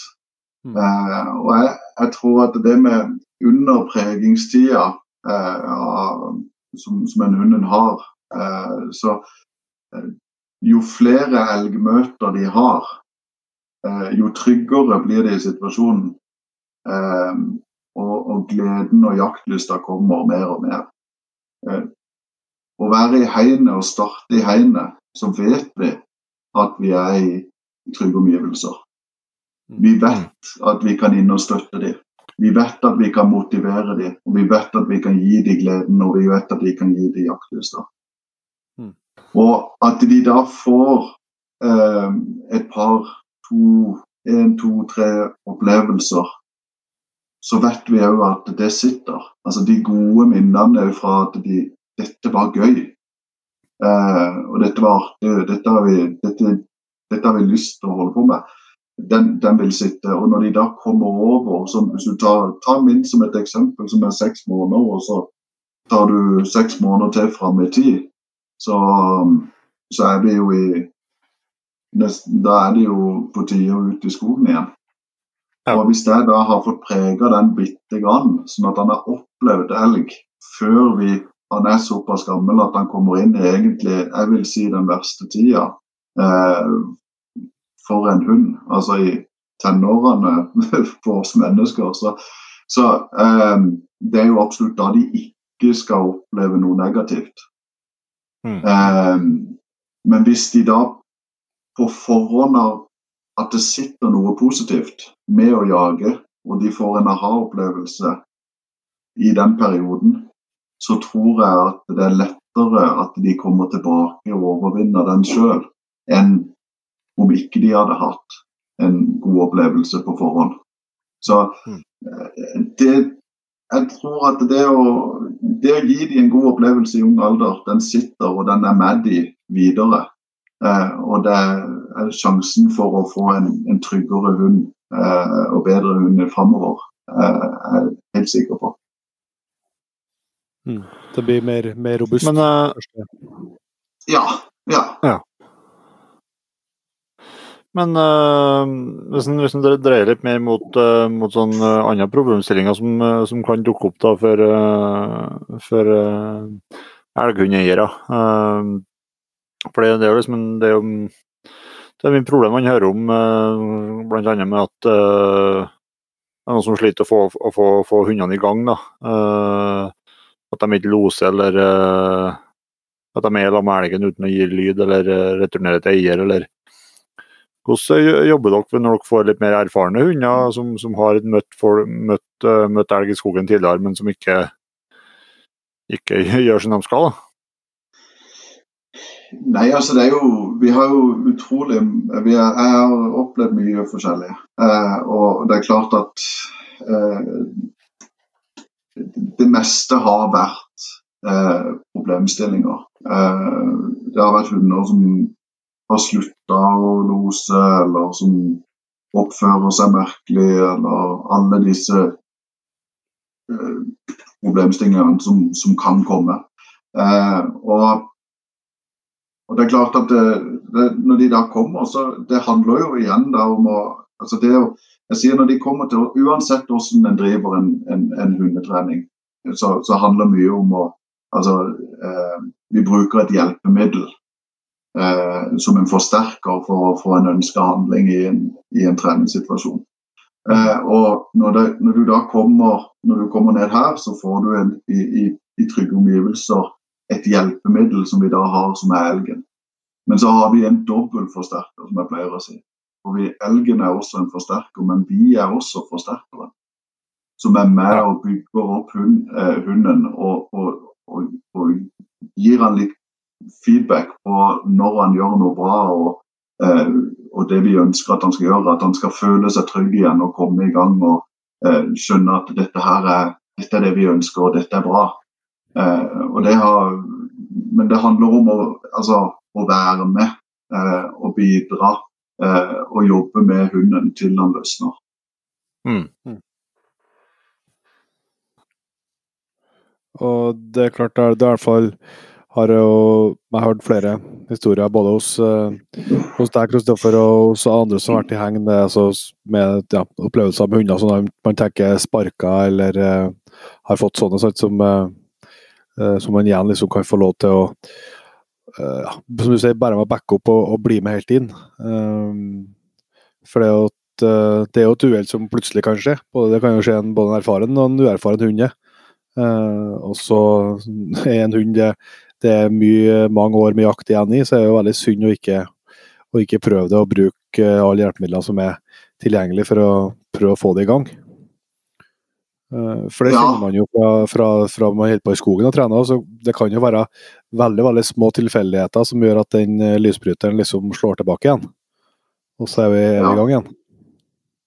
Vi har jo eh, altså dette med opptrening eh, etter at de er blitt skremt og, eller noe har skjedd. Så eh, veldig ofte eh, av, de hundene, alle de hundene som har vært hos oss nå, så, er, så har de fleste erfart at eh, i, når noe har skjedd med hunden, eller en forandring med hunden, så har det skjedd mellom ett og et halvt og to år gammel. Eh, og, og eh, noen jobber fryktelig lenge, fryktelig intenst. Eh, har jobba bra òg med å, å, prøve å få dette få hunden i gang igjen. Eh, men, men, det kan være vanskelig, for du får ikke den samme nærheten. Og du kan ikke jobbe på samme måte med hunden for å gire den opp. Så eh, men, men, det vi ser, det er jo enorme resultater. Det er jo vanvittig. Uh, jeg kan ta et par eksempler hvis dere vil det. Ja, uh, gjerne, gjerne det. Uh, jeg har altså jeg har egentlig jeg, jeg sitter mange ganger igjen med, med, med spesielt to hunder, da. og, og den ene hunden var en norsk rå. eieren syntes at hunden var egentlig en veldig tøff Eh, robust, eh, skikkelig gutt i, i, eh, under oppveksten. Begynte veldig bra, men var veldig hard på elgen i uttaket. Jobba veldig nært på elgen av det han hadde sett. Og hadde vanskeligheter med å stoppe han, men når de først stoppa, var han helt inntil. Og, og, plutselig så var det bare jevnt stopp. Det bare avbrøt direkte, og hunden ble i området der han var. Eh, han bare sirkla rundt. Eieren ringte, eh, gikk bort og, og, fikk tak i hunden. Hunden ville ikke videre, og dette bare eh, Dette bare eh, utvikla seg. Det var det samme hver gang han var ute. Eh, og han Han hadde ikke lost på han var fem og et halvt år, denne her hunden. Eh, så det, det, var jo tre sesonger som, eh, som han ikke hadde jaga på i det hele tatt. Og det som òg var jo litt det der som mange har, det er en familiehund. Ja. Eh, og eh, alt er jo veldig vanskelig. Så og da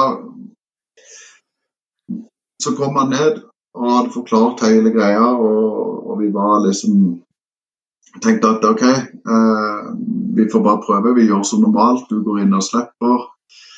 Eh, og jeg går eh, der jeg pleier å være, og så ser vi skjer, eh, hva som skjer. Han slipper inn hunden. Eh, hunden viser egentlig de tegnene som han har vist eieren før. At han idet han oppdager elgen, snur og går tilbake igjen, søker mye kontakt. Eh, men det som viser seg, er jo det at han har faktisk ekstremt kontakt til hundeeier. Så han, han, ville ikke, han ville egentlig ikke jobbe. altså Det var mer fokus på hundeeier enn elgene. Ja. Eh, så sier jeg at eh, OK, eh, vi bytter. Jeg går inn og tar over din rolle og støtter hunden, og du går og drikker kaffe. Og han kikka jo rart, og jeg tenkte ja, ja. Eh, eh, men han gjorde det. Eh, og jeg kobla hunden i line. Jeg merka veldig på at denne hunden her, den likte ikke elg i det hele tatt. Han prøvde å komme langt vekk. Eh, det var stram line vekk fra meg, men jeg satte meg ned på en stein og jeg ble sittende der. Eh, Ca. en meter fra gjerdet. Elgene sto helt rolig, de sto og spiste og slappa av. Og eh, jeg satt på den steinen i godt og vel ja, en halv time. Og Da begynte hunden så vidt å være litt, som litt foran meg og vise litt interesse. Klappa han litt på sida, ga han litt sånn gode tilbakemeldinger og at han viste interesse for elg. Så da begynte jeg liksom å gå litt sånn fram og tilbake og jobbe litt sånn egentlig som mange hundene pleier å gjøre. Altså med å, å, å jobbe litt rundt med elgen. Ja. Ja. Og etter hvert så fikk jeg på en måte et lite sånn et At han, han, han ble tryggere i situasjonen. Vi nærma oss vel å merke nesten en 50 minutter, og det var ikke en lyd fra den hunden egentlig. Litt sånn ja, frustrasjon om jeg ville fortsette, øh, eller om han i det hele tatt ville begynne. Eh, og så ble han plutselig opptatt av et eller annet og sto nokså nærme gjerdet. og Det kom et utfall mellom elgene, og han slokk til. og Så kom det to raske boff, og så fikk han skryt direkte av meg på det. Så så jeg hele hunden ble bare stående og stivne mot elgene, kikke med halen nede. Og så fikk han da positiv belønning samtidig, rett etterpå han hadde gitt eh, boffene. Ja. Og så kom han stille mot meg, og så rygga han inn. Da satt jeg på huk, og så rygga han inn mellom beina på meg mens jeg satt på huk. Og så satt jeg og strøyk han litt over sida, og så kom det reaksjon fra elgene igjen. Og så plutselig så kom det en sånn der liten remse med, med boff, tre-fire-fem boff. Og så fikk han skryt ut av det, og så plutselig så snudde han seg rundt og så sleika han meg i fjeset. Og så gikk han to-tre skritt fram, og så var han i gang. Og da kunne jeg begynne å jobbe på den måten som vi ønsker. Litt det samme som vi var inne på tidligere med forsvars... Altså dette med å støtte og smeike de litt på sida og fortelle at dette her er bra, det de gjør. Men samtidig som at jeg kobla av lina, og så trakk jeg meg stille og rolig tilbake fra tre-fire-fem meter og sto der og støtta han i hvordan eh, arbeidet fungerte. Så lot vi han jobbe i 15, 15 minutter. Hundeeier kom, kobla han igjen, og vi gikk tilbake igjen dagen etterpå, og da var det en helt annen hund. Så Ja. det er faktisk en del ting som det, det kan gi, men det krever litt tålmodighet også. Ja. Men det må jo være helt fantastisk å kunne gi noe sånt til, til den hundeeieren. Altså eller Du- få lov til å være med på den opplevelsen. Ja, Det er ikke bare hundeeieren. Jeg, Jeg synes, altså, Det er vel egentlig litt av det som er given min òg, med å, å drive med det jeg gjør. Fordi at den gleden som jeg satt med når den hunden endelig kom med et boff, den er ubeskrivelig. Og, og den hundeeieren som kom bort til meg etterpå, eh, det var Ja, det er en god følelse, rett og slett. Og det, dette er et av fryktelig mange tilfeller. Ja. Ja, og så er det jo litt sånn men Du var inne på dyrevelferd, da. Og det er klart at du gir jo velferd tilbake til den hunden, for at de, de liker de, de elsker jo det egentlig. Det er det de er, skrudd sammen til å gjøre. Ja, Så det er jo bare noe Det jo- det er blitt det en eller annen ja, en eller annen redsel der. Og det er jo sikkert ikke en redsel som hund i utgangspunktet ønsker å ha, sånn sett. Så, du får jo retta opp i det òg.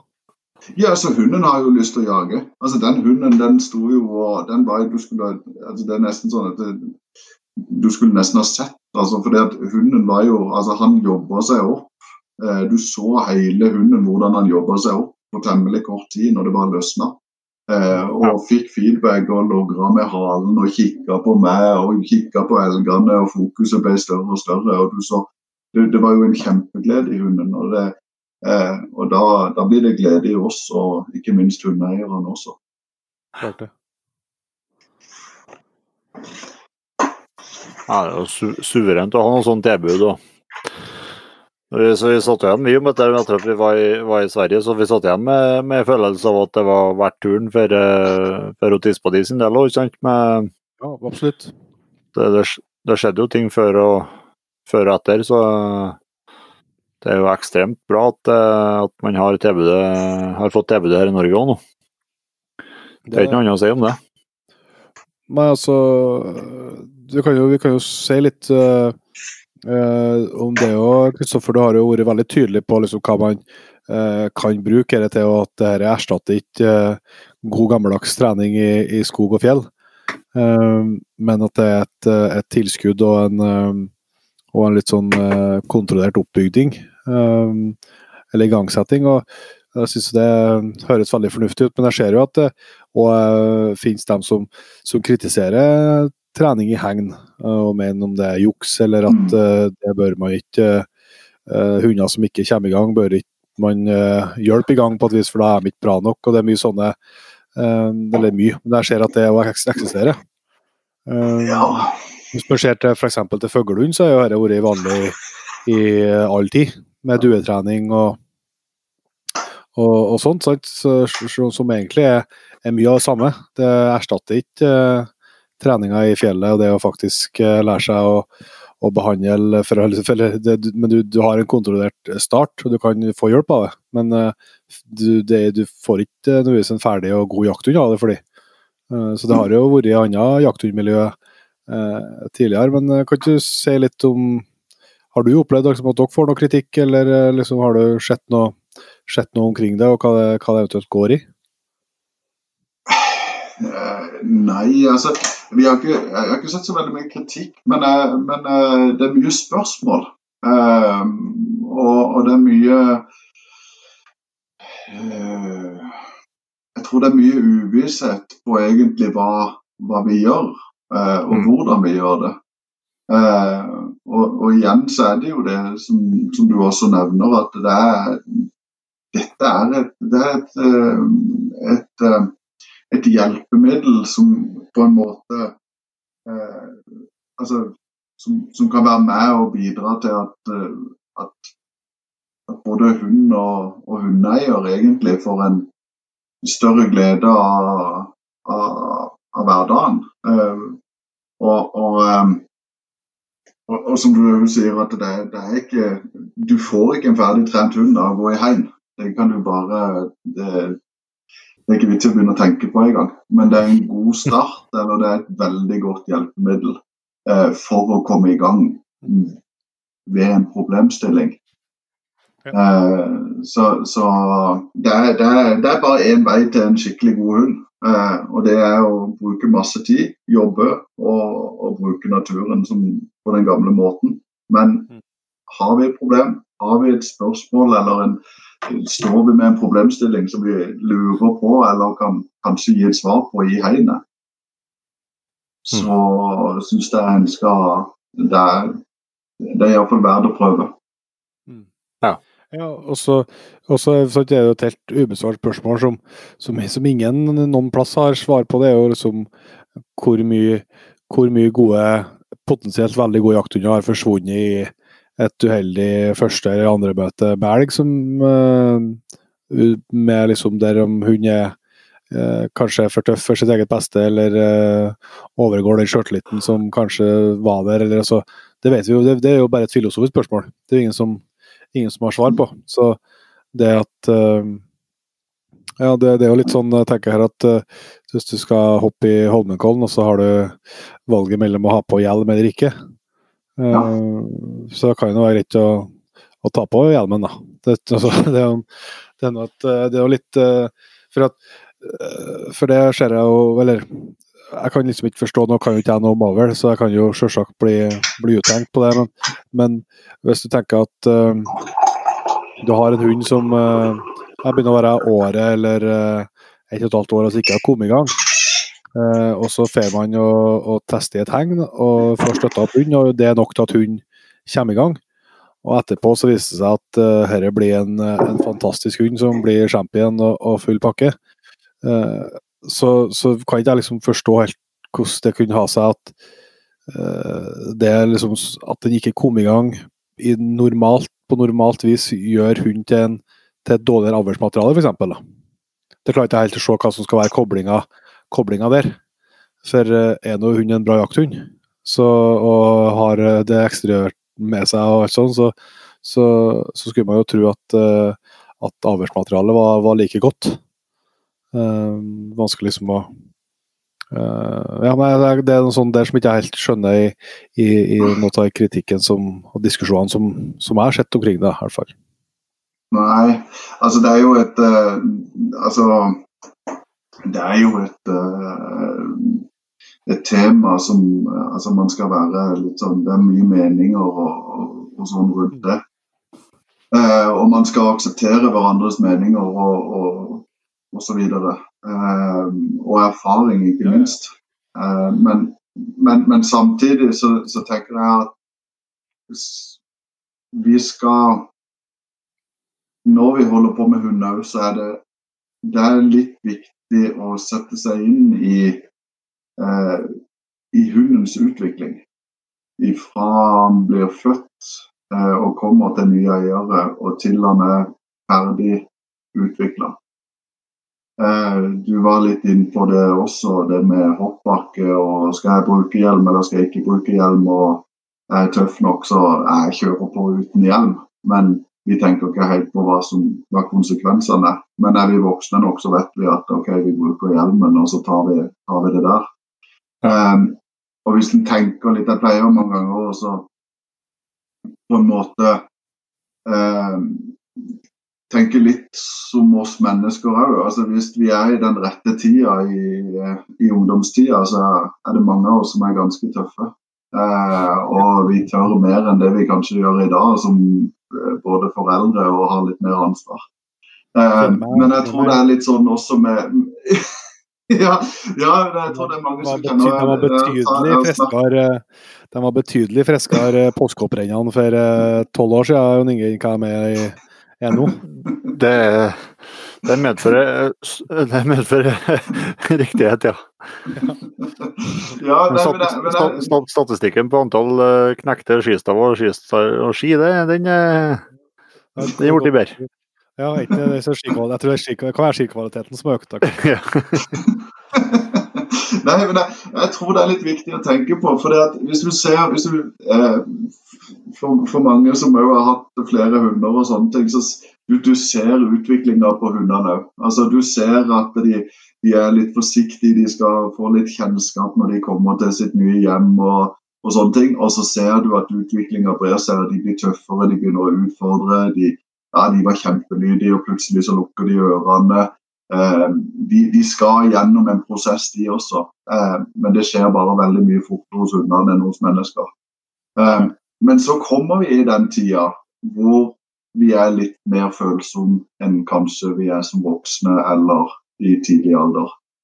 Um, og, og, og det, er den jeg tenker at altså uh, vi, er, vi, vil ha hundene fort i gang. Uh, og vi skal ut i naturen, og vi skal uh, la hundene få lov til å være der som de elsker å være. Og de skal brukes til det de har lyst til eller det vi ønsker at de skal brukes til å avle opp for. men vi må også tenke på at i de situasjonene som kanskje hunden er i den rette alderen, får en påkjenning som gjør at dette var skikkelig ubehagelig, så Eh, kan vi være med og bidra til å hjelpe det? Mm. Altså, mm. vi har også, jeg, jeg, har i hvert fall fått masse støtte opp igjennom hvis jeg har hatt noen nedturer og jeg kommer meg tilbake igjen. og Det er litt det samme hvis du tenker at det, denne her hunden har en kjempejaktlyst. Eh, og, eh, eh, og, har veldig lyst til å gjøre og, og ut og jage, men jeg, han tør ikke helt. fordi at han, han ble skremt av et eller annet, eller fikk en ubehagelig opplevelse, eller hva det enn skulle være, så hjelper vi han litt på vei, og så finner han veien videre sjøl.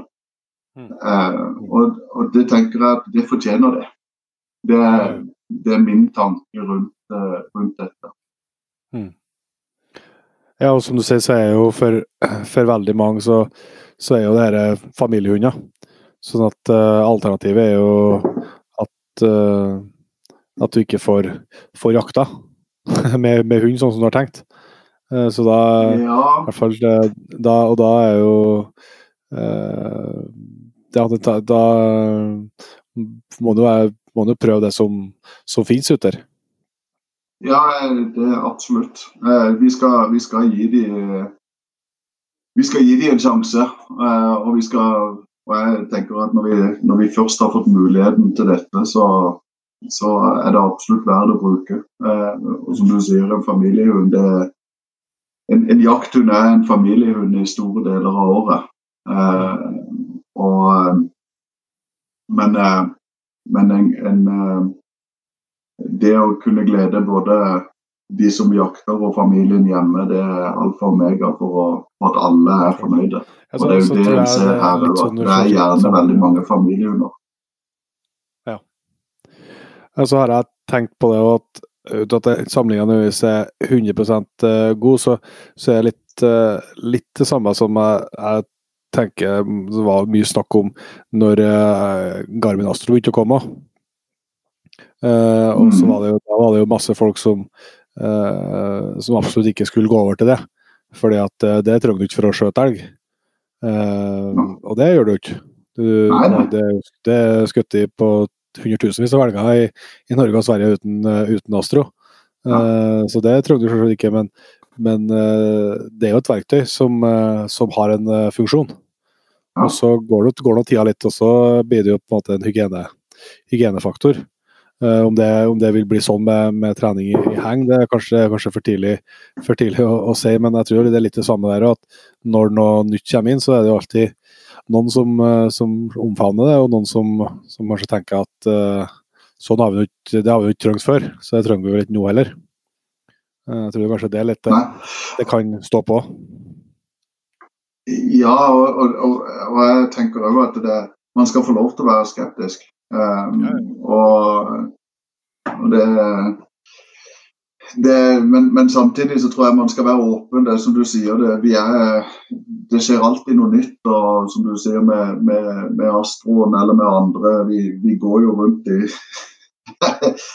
Hvis en tenker på alt en har med seg på skogen mange ganger for å, i forhold til hva en hadde før, så Men, men eh, nei. eh, ja. Nei, eh, vi skal og, Men det en ser, det er jo det at det er det er, mer, det er så mye glede som går herifra. Eh, og vi har retta såpass mange problemer og, og, og fått så mye glede at jeg tror eh, Jeg tror at de veldig mange ser at dette er, dette er en god vei, altså. Men eh, hvordan ser liksom planene deres ut framover? da? Skal, det, har dere noen nye tanker og ideer som dere tenker å utvikle, eller er det For meg at du er typen til at du sitter og grubler på litt nye ideer hele tida, egentlig. ja. ja. Nei, altså jo, vi, eh, vi tenker alltid på nytt. Eh, eller ja, eh, tankene går egentlig litt for, for mye. Eh, vi har jo begynt litt nytt, eh, jeg var så vidt inne på det i stad. Eh, det er jo ikke bare hundetrening mot elg og hundetrening for villsvin og sånne ting. Eh, men vi tenker òg litt den derre eh, Det å eh, lage et, på en måte et treningssenter hvor man kan få eh, oppleve noe nytt. Eh, gjør, prøve å finne kurs eller samlinger eller hva en skal kalle det, med, eh, med en ny vri på. Eh, det med å jeg har veldig troa på dette med, som jeg selv har vært igjennom, dette med brukshund eh, og, og Forsvaret. Og det å få enda mer av den brukshundbiten inn i også elghundene eh, og jaktmiljøet. Eh, og så har vi jo begynt å jobbe, og vi vil jobbe enda mer med det. Vi hadde jo dette kurset i fjor eh, som går ja, Det høres veldig egentlig litt kjedelig ut, men det går på grunnleggende treningslære og anatomi. Eh, Ja. Dette med å eh, formidle mer kunnskap om hundens oppbygning, eh, eh, vedlikeholdstrening, eh, dette med rett type trening. Eh, spesielt vedlikeholdstreninger på seletilpasninger osv. Eh, Mm. og, og der har jeg jo fått med meg et utrolig godt team eh, som, eh, som, er med videre. Eh, I dette tilfellet han eh, Jan Reinersen og, og Carmen Kadim, eh, Nordisk hundemassasjeskole, som, som, eh, som er med og, og holder dette kurset på vilkåren. Eh, hvor Ja. vi egentlig er bare med som aktører. Og, og den veien der med å, å bruke Jeg, jeg tror det at å, å stå alene eh, som, så, å utvikle et konsept eh, er ganske vanskelig. Eh, og derfor så er liksom Jeg tror at eh, tanken min er litt mer med å, å, å dele hverandres kunnskap for det å drive med hund. Altså, jeg, jeg kommer aldri til å bli ferdig utlært på hund, og jeg vil aldri bli det. Og den gangen jeg tror at jeg blir det, så må noen stoppe meg. Eh, for vi vil alltid lære noe nytt. Og da, og da, da tenker jeg at eh, det, å, det er såpass mange eh, kompetente og erfaringsrike mennesker der ute som, som kan være med i et, i et team som jeg kan bruke som foredragsholdere eller kursholdere eller et eller annet til å skape noe nytt. Så det er egentlig visjonen og tanken videre for, for oss. Mm. Ja, så tror jeg det er, det er veldig mye eh, jegere og hundeeiere som har, har mye å gå på når det gjelder den fronten der, og inkludert eh, meg sjøl for så vidt. Men eh, og der tror jeg vi har veldig, veldig mye å lære av ja, den gjengen som står på startstreken i løpet av nærmeste dagene oppe i Finnmark nå. Uh, Ja. på, på den biten der. Ja, Og jeg, men, men, men igjen så er vi jo der da at det, det er jo nytt. Um, vi Ja. tenker nytt. Uh, Ja. Og jeg håper bare at mange også ser at, eh, eh, at det er fornuftig å tenke litt nytt. Eh, eh, både for, for seg sjøl og, og for hundenes uh, framtid, rett og slett. Mm. Enig. Eh, før vi går inn for eh, landing her med litt eh, faste avslutningsspørsmål og sånt, eh, Kristoffer, så for dem som har hørt dere og har lyst til å sjekke ut tilbudet deres nærmere, så har dere både Facebook og, og nettside. Vi har Facebook-side, og vi har egen nettside. Vi er også på Instagram, men vi bruker veldig mye Facebook-sida til å informere om nye ting eh, som vi holder på med. Informasjon om vilkårene og om oss og eh, ledige timer, eh, kurs og booking og sånn, det finner du på, på nettsida vår. Ja. Mm. Det kan du i hvert fall jeg kommer som et tips uh, uansett om, har, om man har tenkt seg til vilkårene eller ikke på uh, kort eller lang sikt, men, uh, men å følge den Facebook-sida. For at jeg syns dere legger ut mye interessant der, og mye artige filmklipp og sånt òg. Av, av, hunder som får Ja, så det, det er verdt å, verdt å følge uansett, syns jeg. For folk som er interessert i, i hund. Ja, vi, vi prøver iallfall. å og vi prøver jo ikke bare den der daglige med trening med hund og sånne ting, men òg litt hva, hva, vi gjør og hva vi gjør med hundene våre. Eh, for å formidle litt av tanken om vilkår og konseptet. Så jeg håper virkelig at, eh, at, eh, at det er interesse for å, å, følge oss på de kanalene vi har. Mm.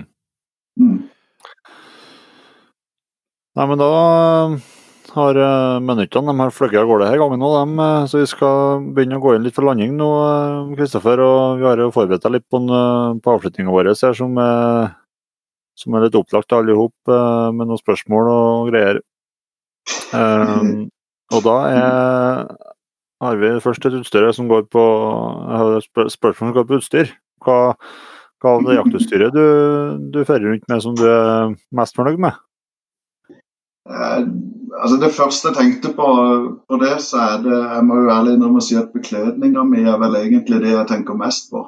Eh, hva, jeg, hva, jeg, hva, jeg, har på meg. Eh, og ikke minst eh, eh, i forhold til den type jakt og med hund som, som, jeg holder på med. Og i erfaring fra denne sesongen her, så er det jo så har det jo vært en våt høst. Eh, og, og, jeg har fått lov til å Eller jeg har fått testa ut og kjøpte meg den Svasitar Ultra Light. Det er en utrolig lett og fin eh, og god eh, anorakk, reinanorakk, som eh, veier 480 gram. og Du kan bare rulle den ned og legge den i sekken og ta den opp når det begynner å regne igjen. Eh, så eh, absolutt eh, av, av, utstyr så må jeg si at jeg driver mest med hund og trening av hund, og da er, da er vi avhengig av godt tøy. Mm. Ultraløyte, den tynne Den tynne, ja. Den tynne ja. mm. rene noraken. Den er, mm. den er, det er absolutt eh, som hundefører min favoritt. Ja. Kult. Eh, og så lurer vi jo på eh, det beste jakttipset fra viltgården, da. ja. Benytta av, heng, benytte av hengtrening. Kjøp sesongkort. Nei, altså, jeg, jeg tenker uh, Vær ærlig med deg sjøl uh, og hunden din. Uh, og nyt naturen. og og det den har å, å tilby. Og, og, på en måte jobb videre med hunden etter, etter den eh, hva han egentlig er god for. Eh, det er altså jakttips eh, for min del på, på det der. Eh, det, ble egentlig, det blir liksom retta mot, mot hund. Eh, og jeg, jeg, føler at det å, å være ærlig med, med seg sjøl og hvilken, hvilken hund har jeg foran meg for å og hva kan jeg gjøre for at vi sammen skal få det beste resultatet og det ønskelige resultatet vårt? Da, da Ja, det, det er det som står i min tanke, i hvert fall. Mm, veldig bra. Og så uh, har vi sitt spørsmål som går, på, uh, som går litt på uh, i, i drømmeverden. Hva som er din største jaktdrøm? Nei, det må vel bli min neste tur på, i skogen, det. Den byr jo på alle. jeg mener hver eneste tur man har, er jo, er jo en, en, en, ny drøm. Uh, og jo mer jeg kan komme ut, jo, jo bedre det. Men, men, sånn helt konkret, for å være helt litt ut forbi hund, så jeg tror nok det å for min del det å kunne oppleve hjortejakt og brølejakt ja. Eh, det tror jeg det, det virker eh, sterkt, rett og slett. Å få oppleve eh, ordentlig brøljakt på, på hjort. Mm. Ja, det, det, må jeg sette opp på drømmelista, altså. ja, det virker helt sinnssykt. Det ja, det, det det, det, har fascinert meg. Og det er noe mm. vi ikke har eh, gjort. Den begynner å komme her, her i sør også, og enkelte plasser ganske bra. Men jeg har rundt meg her så har jeg ikke så mye av det. Og det å komme opp i, i fjellene og, og, bare kjenne følelsen av den brølinga mellom bukkene opp igjennom og gå og snike litt og lytte og speide. Og, nei, det tror jeg en det, det er en, en, stor drøm for min del. Tror man på en måte kjenner at man har naturen litt ekstra på kroppen da, når man står uh, står oppi lia imellom, for det er jo Det går jo kaldt ned ryggen på deg når det, når det, når det, når det brøles og blir satt opp i lia. Du kjenner, kjenner, litt ekstra på at du har naturen litt nært deg, da. Ja. Eh, jeg bare tenker på det der med En, jo, en følger jo med, da. En ser jo mye på En ser jo en del på film og hører andre prater. Og, og det der når en går og sniker og vet at de beveger seg rundt uh, i terrenget der du er. og plutselig så er de rett bak deg eller rett foran deg. Eller, ja, det, det, det, må være magisk, rett og slett. Mm. Yes. Så fikk vi jo fikk vi en veldig bra jakthistorie eh, med første elgen, Kristoffer. Men eh, vi har jo litt sånn tradisjon med å runde av med jakthistorie og ikke bare åpen. Så hvis du har ei, ei til på lager som eh, du kunne delt på også, har vi blitt superhappy på slutten her. Ja, det var det, da. Um, tja Nå sto det litt stille her. ja, vi har god tid, så det Ja, nei, altså Ehm, jeg har vel egentlig mer en historie litt om, eh, som jeg syns er litt artig i forbindelse med hundetrening. da. Ja. Um, det, går, det, går, egentlig litt på at um, altså dette med å Jeg er veldig opptatt av å, å, lydigheten på hunden. Og at han på en måte Jeg vet ikke om dere kjenner dere igjen det der med vanskeligheten med å få få kalt inn hunden når han står i los. Uh, det, det er iallfall noe jeg hører en del om, og jeg vet at jeg har, jeg har hatt mye problemer med det før. Men uh, jeg, har, jeg, er veldig opptatt av å, uh, å, å trygge hundene på at, at selv om jeg roper de inn, så trenger de nødvendigvis ikke bli kobla og tatt til bil. Eh, og jeg har troa på at det å kunne eh, Det samspillet mellom hund og hundefører som gir en god jaktopplevelse, og spesielt når det gjelder elgjakta, som jeg driver med sjøl. Eh, både i forhold til vanskelig vanskelig værforhold eller eh, skareføre eller eh, frost eller sånne ting. Det er vanskelig å komme inn på mange ganger. Og det å kunne spille med hunden eh, for å komme nærmere er, utrolig spennende. Så har, altså, Det er jo som jeg sier, jeg, jeg tror Jeg kan vel hånda, med hånda på hjertet si at det er én gang som kona virkelig holdt på å gå ifra meg. Det, vi, jeg tror aldri jeg har sett henne så sint. Jeg tror aldri jeg kommer til å se henne så sint igjen. Men eh, jeg har en sånn visjon at hver gang jeg er ute og trener hund, eh, så, så, skal jeg iallfall ha én, minimum én, helst to innkallinger før jeg kobler og går hjem på kvelden.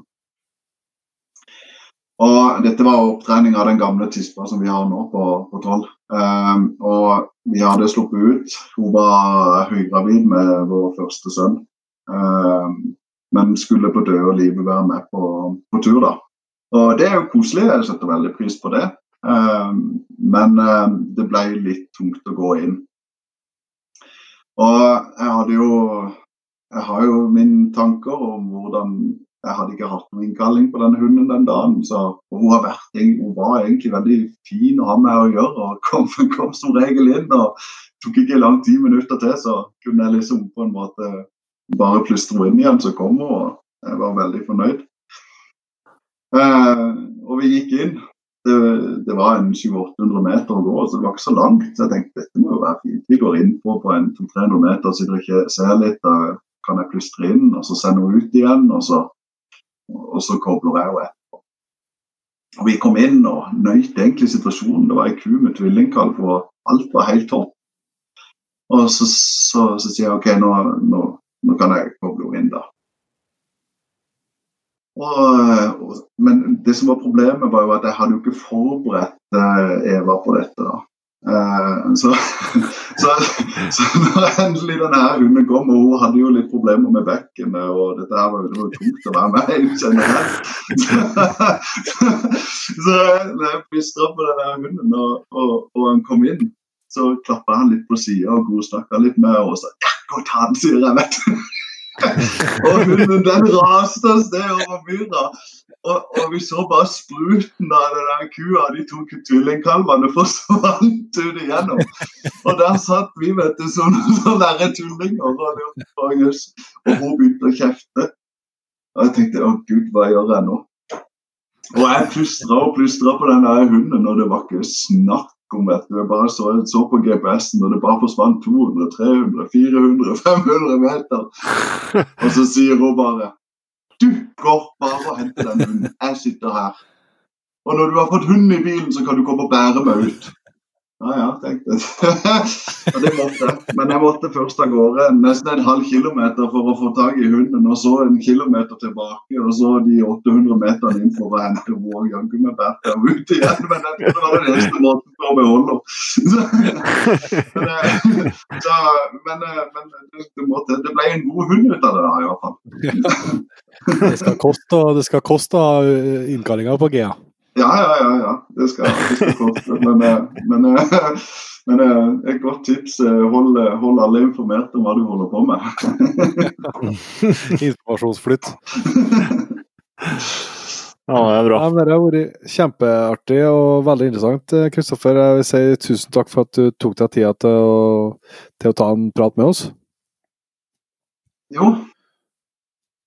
Jo, takk i like måte.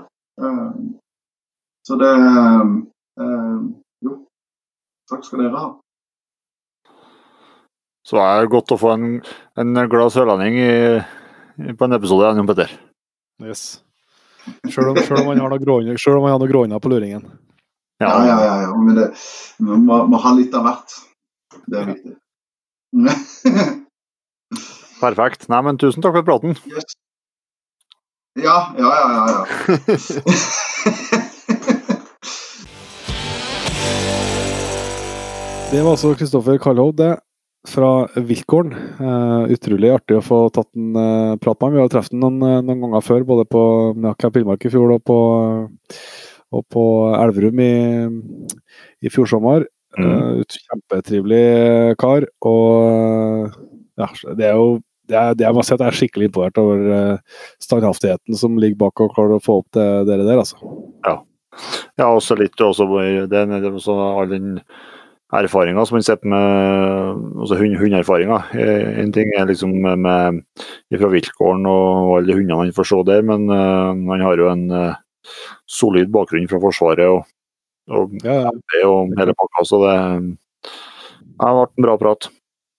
Ja, artig. Så det er absolutt verdt å sjekke ut uh, vilkåren. Det tror jeg nå uh, Jeg skal vurdere hvis det trengs. Jeg har noe, har, har noe slitt med. Så, så det er godt mulig jeg skal Dagsen på villsvin, det ja, Det kan bli stygge senere, det, for villsvinet.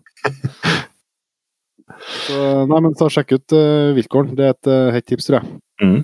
Vi skal ta og, og runde av. Det begynner å, å nærme seg fredagskveld og taco. Uh, men uh, Eh, vi skal tipse om nettbutikken vår. Der eh, er det jo muligheter for å gjøre seg noen godkjøp på flotte Jegerpodden-greier. Og det kommer også noen nye produkter nå om ikke så altfor lenge i planen. Eh, så, så, det er noe verdt å, å, følge med litt på. Og så har jeg lyst til å, at vi må si to ord om episoden som kommer neste uke. Ja. Det blir litt spesial, spesialepisode. Ja, på all mulig vis. Ja. Først så kan jeg ta det første først. Så er det en samproduksjon i lag med en uh, Randulf Valle som driver podkasten uh, uh, Uteliv. Mm. Det er det. Uh, og temaet er jo litt spesielt. Temaet det er jo, det er jo fra en legende i nærområdet her, som ja, så kan da. Storjeger, tømmerflytter, journalist, redaktør og forfatter. Ja. Eh, som har skrevet seks eh, fine bøker med stappa med jakthistorier. Og historier fra ja, fiske og turer og litt om det livet livet i etter, etterkrigstida, skulle du si. Så eh, det er rett og slett en episode der vi går an litt i historien og litt om livet hans. Det som er enda litt mer spesielt med episoden, det er det at uh, vi satt på um, butikken Big Five på Røra, i det flotte rommet de har laga til der. Og så var det fullt av kamera rundt oss. Det var det. Så den episoden eh, der kan da både rett og slett ses og høres. Eh, det er så enkelt som at eh, vi har fått filma hele opptaket, og det blir òg lagt ut på lagt ut på fredagen, så da kan du til vekkene bestemme deg om du har, har, lyst til å bare høre, eller om du har lyst til å plage deg til å, til å se på også. Så, det er noe artig, artig test i hvert fall. Det er ikke vi vet om vi skal fortsette med, men det er jo noe som eh, folk liker. Så skal vi jo selvsagt prøve å gjøre det flere ganger. Mm. Men jeg har tatt en test for å se om det, om det, om det er noe tid. Så har vi jo fått, ja. fått god hjelp til filminga, filminga her gangen, og så får vi se om det er noe som slår an. Mm.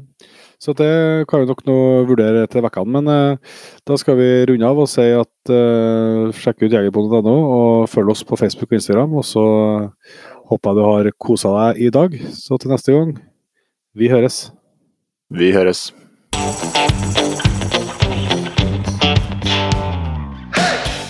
Tusen hjertelig takk for at du valgte å bruke litt av tida di på Jegerpodden. Sjekk ut jegerpodden.no eller din favoritt-podkastspiller for enda mer innhold og flere episoder.